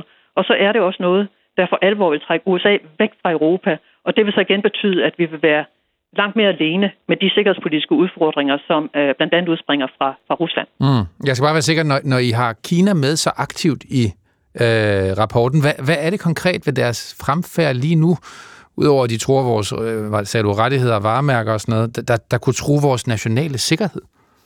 Jamen, det er jo en langsigtet. Øh, Kina er en langsigtet udfordring, og det er Kina, fordi Kina og USA de er på konfrontationskurs. Kina repræsenterer jo en meget, meget anderledes samfundsmodel end os, og vi ser, at Kina i stigende grad samler magten omkring én person, øh, nemlig den kinesiske øh, præsident. Og vi ser også, at Kina er villig til at bruge øh, selvhævdende øh, og, øh, og, øh, øh og trumlende metoder øh, over for andre lande. Øh, for eksempel øh, så øh, straffede øh, Kina øh, Litauen øh, økonomisk, da øh, Litauen øh, styrkede sine diplomatiske forbindelser med, øh, med Taiwan. Så på den måde kan man sige, at øh, Kina er et øh, samfund, som øh, bestemt ikke er demokratisk, øh, ligesom vores. Øh, Kina bruger undertrykkende metoder øh, i øh, særligt i dele af Kina, som for eksempel øh, Hongkong, øh, og de øh, fører sig også øh, på den internationale scene øh, på en måde, øh, hvor de altså er villige til at trumle mindre stater blandt politik og økonomi øh, sammen på måder, som vi slet ikke øh, er vant til. Mm. Og så er der altså den her bredspektrede indsats for at øh, tilegne sig øh, teknologi, der blandt andet går ind i øh, Kinas militær øh, oprustning, også ved hjælp af ulovlige metoder. Så hvordan tror du øh, konkret, vi kommer til at mærke truslen fra Kina fremover? Jamen, den mærker vi allerede i form af, af spionage. Øh, altså og i Danmark også? Ja, og i særdeleshed også i cyberdomænet. Øh, så på den måde kan man sige, at vi mærker, øh, at, øh, at Kina gør sig gældende øh, internationalt, og at Kina har den her samfundsmodel og de her mål øh, om at, øh, at udvikle sig, hvor de altså er villige til også at bruge øh, ulovlige metoder til at tilegne sig vores viden, øh, vores virksomheders viden, vores øh, universiteters viden. Bare lige her øh, til sidst. Øh, nu har vi snakket Kina, vi har snakket Rusland, vi har snakket Israel, Hamas, terror og så videre. Når du sidder, og du har vel siddet med en del af de her øh, risikovurderinger, hvor, hvor, hvor dybe panderynker har du? Hvor, hvor bekymret skal vi være? Jamen, altså almindelige borgere skal jo ikke øh, måske fraset øh, øh, øh cyber, cybersikkerhed. Fraset cybersikkerhed skal almindelige borgere jo ikke være, øh, være bekymrede. Men det er klart, det her det stiller øh, danske myndigheder og, og danske beslutningstagere øh, Øh, over for øh, en, øh, en, øh, en, en, en udfordring. Man kan måske lidt populært sige, at der er behov for at multitaske, fordi det her trusselsbillede altså er så sammensat øh, og spænder øh, så bredt, hvor der både er her og nu trusler som, som terror, øh, spionage, trusler på lidt længere sigt, som, som russisk øh, genoprustning, militær genoprustning i Østersøen, og så de der øh, ting ude på horisonten omkring øh, Kina, forholdet mellem USA og Kina, der altså øh, øh, kommer til at udfordre os, udfordre os her nu, men også kommer til at gøre det i de kommende år. Mm. Men alligevel, den øgede risiko for terror herhjemme, som jo er en del af det, I skriver, den skal man vel være mere bekymret for, end man skulle i går så? Jo, men øh, der er budskabet jo, at, øh, at man som almindelig borger jo ikke øh, skal håndtere den trussel, det skal, øh, det skal myndigheden. Mm. Tak for det, Anja Dalgaard. Selv tak. Altså chef for øh, efterretning hos Forsvarets efterretningstjeneste. Der bliver lavet forkerte prioriteter på landets sygehuse på grund af stramme politiske lovkrav på kraftområdet. Så lyder det i dag i et fælles nødråb fra lægevidenskabelige selskaber, altså en række læger over hele landet, som altså kommer med øh, et opråb til sundhedsministeren. Øh, Susanne Axelsen er formand for lægevidenskabelige selskaber, og hun er også ledende overlæge på Aarhus Universitetshospital. Hun fortæller, at øh, kraftpatienternes rettigheder, som de er nu, at man har ret til at blive opereret øh, inden for 14 kalenderdage, det kan medføre, at operationer for andre alvorlige sygdomme kan aflyses, eller må aflyses på operationsdagen. Som det er i øjeblikket, der skal ventetiderne overholdes, og det betyder, at andre patienter, altså patienter, som fejler noget, der ikke er kræft, men som også er syge, enten fordi deres førlighed er truet, eller fordi deres livskvalitet er kraftigt forringet, de kan blive aflyst dagen før, sågar på operationsdagen, fordi der er kræfttider, øh, øh, kræftventetider, der skal overholdes, som det er i øjeblikket. Mm. Men laver det vil give os plads til at kunne, kunne planlægge vores operationsprogrammer og vores øh, prøvetagninger og vores undersøgelser i det hele taget mere fleksibelt mm. i sundhedsvæsenet. Og hvem skal bestemme det, Susanne Axelsen? Hvem skal bestemme, hvilke kraftformer, der skal have hvilken øh, behandlingsgaranti? Øh, det lægger vi op til, at det skal bestemmes på et lægefagligt grundlag og i et samarbejde med patienterne, når vi har den enkelte patient. Men de lægefaglige, øh, de, de lægefaglige beslutninger, dem vil vi meget, meget gerne være med til at træffe sammen med patienterne, og vi vil også gerne tage det ansvar sammen med patienterne, øh, i at der ikke er den samme, der ikke skal være den samme ventetid for alle kræftsygdomme. Men når man lægger en del af beslutningerne i forhold til, hvem der skal opereres hvornår, over til jer, jeg ved godt, du siger, det er et samarbejde, men det er stadig jer, der vil have, kan man sige, det sidste, hvis det skulle stå til jer, altså sidste say i, hvem der skal opereres hvornår, så er det vel alt andet lige en svækkelse af patientrettighederne? Ja, det mener vi ikke, det er. Vi mener altså tværtimod, at det er øh, en måde at at øh, møde patienten på. Men man får vel færre rettigheder, hvis ikke man kan gå op og sige, jeg har krav på inden for to uger at få en behandling? Man vil jo altid have øh, en, en rettighed. Man vil også altid, hvis man som patient har det behov, at jeg kan ikke øh, holde det ud, hvis det er sådan, at jeg ikke bliver øh, opereret inden for 14 dage, så vil man selvfølgelig altid have den mulighed. Det er det, jeg mener med, at, at vi træffer de her beslutninger i et samråd med, med patienterne. Og der kan sagtens være patienter, der siger, jamen mit liv kan simpelthen ikke fortsætte, hvis jeg ikke kan blive opereret inden for 14 dage. Men der vil helt sikkert også være patienter, for hvem den hastighed, et, et udrednings- og undersøgelsesprogram foregår nu frem til en operation, det er alt, alt, alt for hurtigt for dem. Men i samråd, jeg skal bare lige forstå, altså patienten, hvis I vurderer, at du kan sagtens vente, patienten siger, ej, jeg vil, jeg vil gerne til om en uge eller to uger, hvis I vurderer, at øh, i planlægningen, at det, at det giver fin mening at vente, så er det i sidste ende også lægerne, der beslutter det, hvis det skal stå til jer, og ikke patienten. Det vil jo selvfølgelig altid være i et samråd med patienten, og som jeg siger, hvis der er en patient, Men beslutningen som ikke ligger, kan vente, vil ligge vil, hos jer? Beslutningen, den lægefaglige beslutning om, hvilke kræftsygdomme, der kan vente, uden at det forringer patientens situation, det vil vi gerne stå på mål for, at den ligger på det lægefaglige, ja. Det fortalte Susanne Axelsen, altså formand for lægevidenskabelige selskaber. Men Kraftens bekæmpelse er ikke umiddelbart interesseret i at ændre på patientrettighederne. Det fortæller Jesper Fisker, der er administrerende direktør der. Patientrettighederne synes, vi skal blive ved med at være der. Fleksibilitet i den måde, vi anvender dem på, og i kraftpakkeforløb og i, i tidsforløb osv., det vil vi meget gerne være med til. Men de er jo nødt til, siger de lægerne, at ændre på fleksibilitet eller på kraftpakkerne, på behandlingsgarantien, hvis de skal kunne behandle alle. De gør det jo ikke for at være onde, de gør det for Nej, bedre at kunne behandle den aggressive tarmkræft for eksempel. De gør det jo, fordi de, øh, de, øh, det opfatter jeg i hvert fald som et, øh, et nødråb fra et pressesundhedsvæsen, hvor, hvor der simpelthen er, er for meget at lave i forhold til de øh, især medarbejderressourcer, der er. Det anerkender jeg fuldstændig. Det er et, et meget presset sundhedsvæsen. Nu skal man huske på, at man får ikke hverken flere eller færre hjertepatienter eller kræftpatienter, som er omfattet af de her regler, ved at suspendere dem. Det har jo været en, en, en, væsentlig, øh, en væsentlig del af den positive udvikling på kræftområdet. Det har været de her patientrettigheder. Men, men det, jeg meget gerne vil være med til, det er at øge den fleksibilitet, som lægerne jo efterspørger, så de faktisk også kan øh, behandle de andre patienter, som har en helt legitim ret til at blive behandlet på lige fod med kræftpatienter. Og der siger du, at mulighederne allerede er der i dag i forhold til at gøre det i samråd med patienten, men mm. alt andet lige er det vel sværere at sige til en patient, som har et en rettighed til at få en behandling inden for 14 dage og sige, dig har vi lige valgt, at det, du er ikke så vigtig. Altså, øh, jeg tænker bare, øh, hvis man for alvor vil have den her fleksibilitet, så bliver man vel nødt til at fjerne den rettighed. Patienter er faktisk øh, ekstremt fornuftige, og i de samtaler, patienter har med, med deres behandlende læge, at, øh, at der er, øh, i hvert fald de tilbagemeldinger, vi får fra patienter, jo, altså der er situationen, at, at det ender som regel i, i, i, i enighed, og at, at patienterne i virkeligheden er meget forstående over for den situation, der i øvrigt er. Men de er jo selvfølgelig optaget af deres eget sygdomsforløb. Man står i sit livs krise og vil gerne behandles. Men hvis det var så nemt, så gjorde de det vel? Altså jeg tænker, de kommer jo ikke med det her opråb uden grund, lægerne. Nej, det gør de bestemt ikke, og det er udtryk for et, et meget pres i sundhedsvæsen. Men hvis du for eksempel tager en af de ting, de nævner med den behandling, som, øh, som, som ligger lige i de sidste dele af livet, som, øh, som i Danmark fylder rigtig, rigtig meget.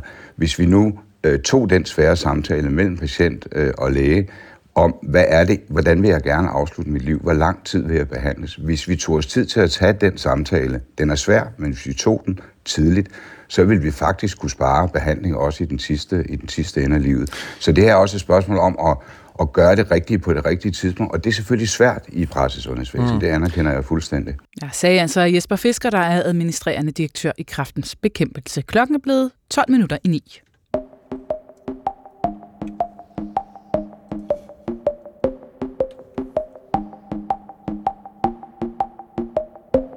Tiden er løbet ud, og Norge er klar til VM. Semifinalen nedlægger Holland. Sverige er klar til VM semifinalen. Skal de nå en afslutning? Det når de ikke. Danmark vinder VM kvartfinalen med 26-24 over Montenegro. Og for fjerde slutrunde i træk... Man står bliver helt godt humør herinde. Ja, hvad er det for noget? Ah, men det, var, det, det er det også. Det, det kan da altid varme. Ja. Sådan en lille håndboldsemifinale på hjemmebane mod ærkerivalerne for Norge. Altså, øh, det var jo i går. Danmark vandt 26-24 over Montenegro. Og øh, ja, ligesom de, øh, de to andre lande her i Skandinavien. Mm. De må undtage til Finland selvfølgelig. Men øh, der, er, der er vi altså klar til en semifinale. Så Danmark er det tredje skandinaviske hold. Sverige og Norge er også med, så er der Frankrig. Det er jo en, øh, en øh, nordisk øh, dominans, kunne man næsten kalde det, ikke? Helle Thomsen? Jo, det kan man sagtens kalde det, og så har vi lige inviteret Frankrig med ind i det selskab. Præcis, øh, og og der er du træner faktisk til daglig øh, i Frankrig. Du er også medkommentator i Liga på P4 her. Så på under... den måde også en del af en skandinavisk succes. ja. Helt sikkert. Helle Thomsen, hvorfor er håndbold blevet så succesfuldt i Skandinavien? Ej, det er der mange årsager til. at man skal gå noget længere tilbage i tiden, og for det er jo fordi, man har en masse unge, gode danske spillere. Man har et godt træningsmiljø i Danmark, og det samme i Norge og Sverige. Øh, man har mange gode ungdomstrænere, og det gør jo, at der bliver mange gode håndboldspillere.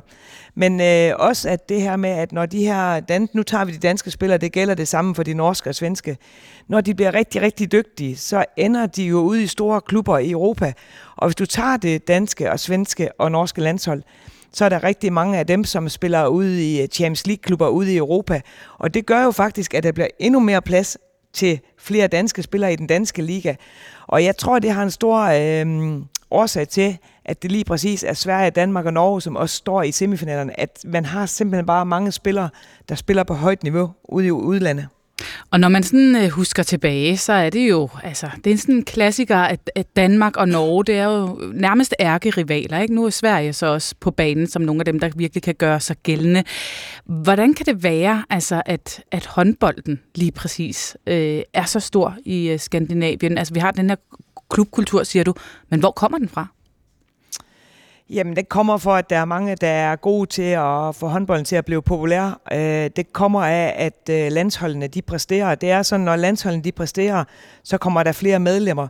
Og nu kan jeg jo kun tale for DHF. Jeg kan ikke sige, hvordan de gør det helt præcis i Norge og Sverige, men jeg ved også, at DHF de har gjort et stort stykke arbejde for at få flere medlemmer. Og øh, hvis jeg går tilbage til min tid, da jeg var i Holland, der var der jo næsten ingen håndboldspillere, men da Holland begyndte at vinde medaljer, der kom der også flere medlemmer, og det gør jo selvfølgelig, at når der kommer flere medlemmer, så kommer der også flere talenter, og det er helt sikkert noget af det, der gør, at der er så mange gode håndboldspillere i Danmark. Og mærker du det egentlig? Nu er du jo så håndboldtræner i Frankrig. Altså, kommer man med sådan en særlig stjerne på skulderen, når man kommer som dansk træner? Altså lige præcis i Frankrig, hvor de er vant til at vinde medaljer i alle mesterskaber, det, der ved jeg ikke, om og det er, er de svære at imponere. Ja, det er de svære at imponere. Ja, okay. men, men der er ingen tvivl om, at når jeg sidder og snakker med de spillere, jeg træner i Frankrig, så ved de godt, at øh, sådan en mesterskab, som de er på nu, at øh, der kommer de til at løbe ind i enten Danmark eller Norge for at skal nå hele vejen. Øh, de ved godt, øh, at danske spillere de er dygtige. De kan jo også se, at man har øh, tre team, øh, Champions League-hold i IKAST, Esbjerg og Odense. Og det viser igen, altså normalt der har man kun to hold i Champions League, men fordi Danmark er så dygtig, som de er, så har man tre hold i Champions League. Mm. Er der så alligevel, Helle Thomsen, forskel på dansk, svensk og norsk håndboldkultur? Ja, det synes jeg faktisk, det er. Øhm, jeg synes, den danske liga er jo klart den bedste, hvis du tager det i forhold til Norge og Sverige så øh, er det jo de svenske og norske spillere, de kommer jo til Danmark også. Og det betyder også, at den danske liga er, øh, det er ikke sikkert, at det bedste hold er stærkere end de andre, men med de 14 og 16 hold, så er den danske liga klart stærkere end øh, den norske og svenske. Men så er det jo altså lidt irriterende, når du nu siger, at vi har den bedste liga, vi skal møde Norge i semifinalen. Og Norge, de er vel, hvis vi nu skal være ærlige, favoritter. I hvert fald øh, dem, man hele tiden har kigget på og tænkt, at det kunne godt være dem, der løb med guldmedaljen i sidste ende. Når nu vi har den bedste liga, hvorfor har de så det bedste hold? Jamen nu får vi se, om de har ja, det bedste får vi se. hold. Men øh, Norge, de har vundet rigtig mange guldmedaljer. Øh, Norge, de har et kæmpe setup, øh, og det er startet noget tidligere end det danske. Øh, Norsk håndboldforbund, de har spyttet rigtig, rigtig mange penge i, i håndbolden i gennem mange, mange år. Og det betyder også, at øh, de har et A-landshold, de har et B-landshold, øh, de satser rigtig meget på ungdomslandsholden, det gør Danmark også. Men hvis man går nogle år tilbage, lad os sige, vi går 7-8 år tilbage, så investerede Norge rigtig, rigtig mange penge øh, i håndbolden. Og, og det gør også, at de har mange dygtige spillere, og så har de også haft deres profiler. De har også spillet ud i de store klubber i Europa længe, så er et, et virkelig stærkt mandskab, de har. Hvad med vejret, Helle Thomsen? Kan det spille ind, tror du? Altså, det er jo koldt i Norge, Sverige og Danmark. Koldere end i Frankrig. Så er det fedt at være indenfor i en halv. Ja, selvfølgelig har det noget at sige. Jeg har i hvert fald har hørt forældre sige, når de står sammen med deres børn, så er det noget skønt at stå inde i en hal, end at stå, stå udenfor. Øhm, jeg, jeg tror, at de her børn, som starter med at spille håndbold, fodbold, eller hvad de nu vælger, altså det, det, det kommer også an på, hvem de støder ind, altså hvem de støder ind i, hvem får de som ungdomstræner, hvem får de som uh, holdkammerater. Og det er jo også derfor, at alt det her, når vi går ud i klubber og siger frivillige, og vi siger ungdomstræner, de er jo også vigtige, for det er jo også dem, der starter med at skabe de her landsholdsspillere. Vinder vi VM? Det var et svært spørgsmål, Nej. men jeg har jo sagt hele vejen, at jeg tror, at Danmark de går hele vejen på grund af, at vi har boksen. Øh, jeg tror, at den sidste fordel, det er det her med at have 10.000. Der kommer måske 12.000, men de er jo ikke alle sammen danskere. Men at de er 10.000 i ryggen, det tror jeg, det får en fordel. Og for en fransk øh, håndboldtræner som dig, så tænker jeg, at drømmefinalen, det må være Frankrig-Danmark. Ja, det kunne være en fin finale, men nu har jeg også nogle svensker, så lad os nu bare få Danmark i finalen og vinde den, så er det lige meget, hvem det er over. Dit hjerte er alle steder. Helle Thomsen, smukt er det. Tak fordi uh, du var med. Selv tak. Håndboldtræner i uh, Frankrig, med kommentator i Liga på P4 her under VM. Godmorgen, Lars Bøg. Ja, godmorgen. Naturvejleder og biolog, Naturhistorisk Museum i Aarhus. Nu skal du lige spidse ører, okay? Ja, jeg gør, hvad jeg kan.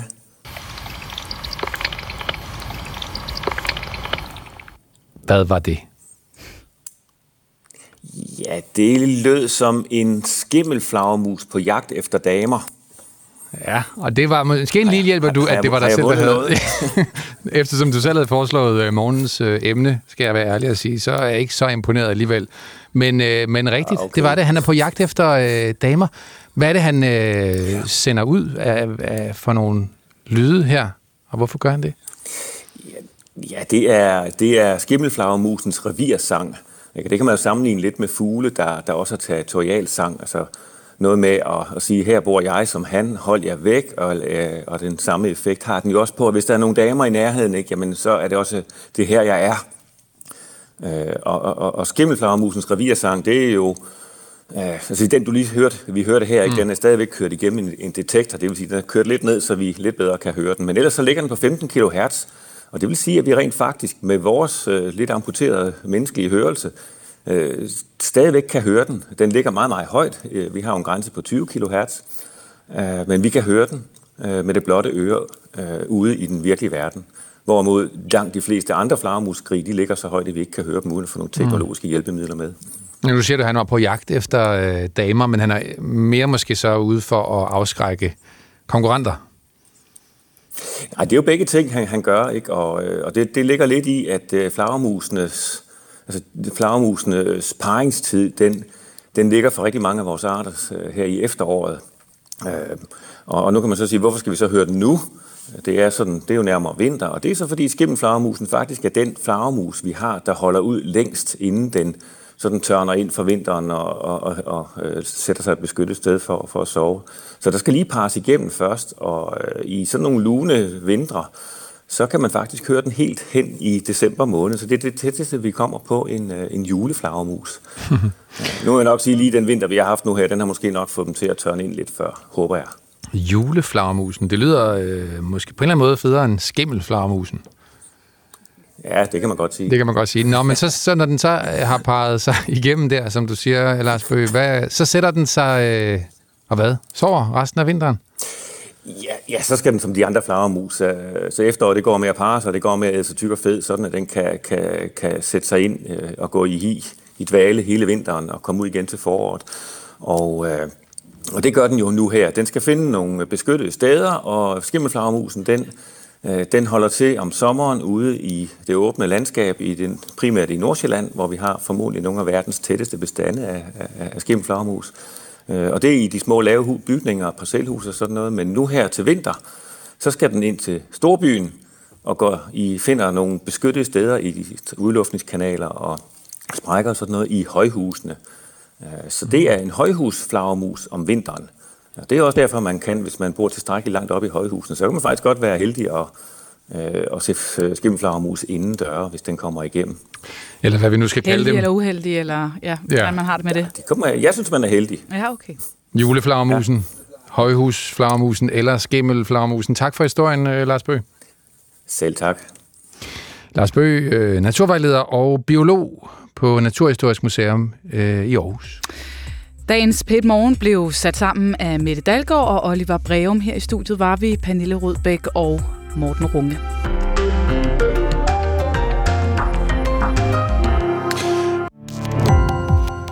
Gå på opdagelse i alle DR's podcast og radioprogrammer. I appen DR Lyd.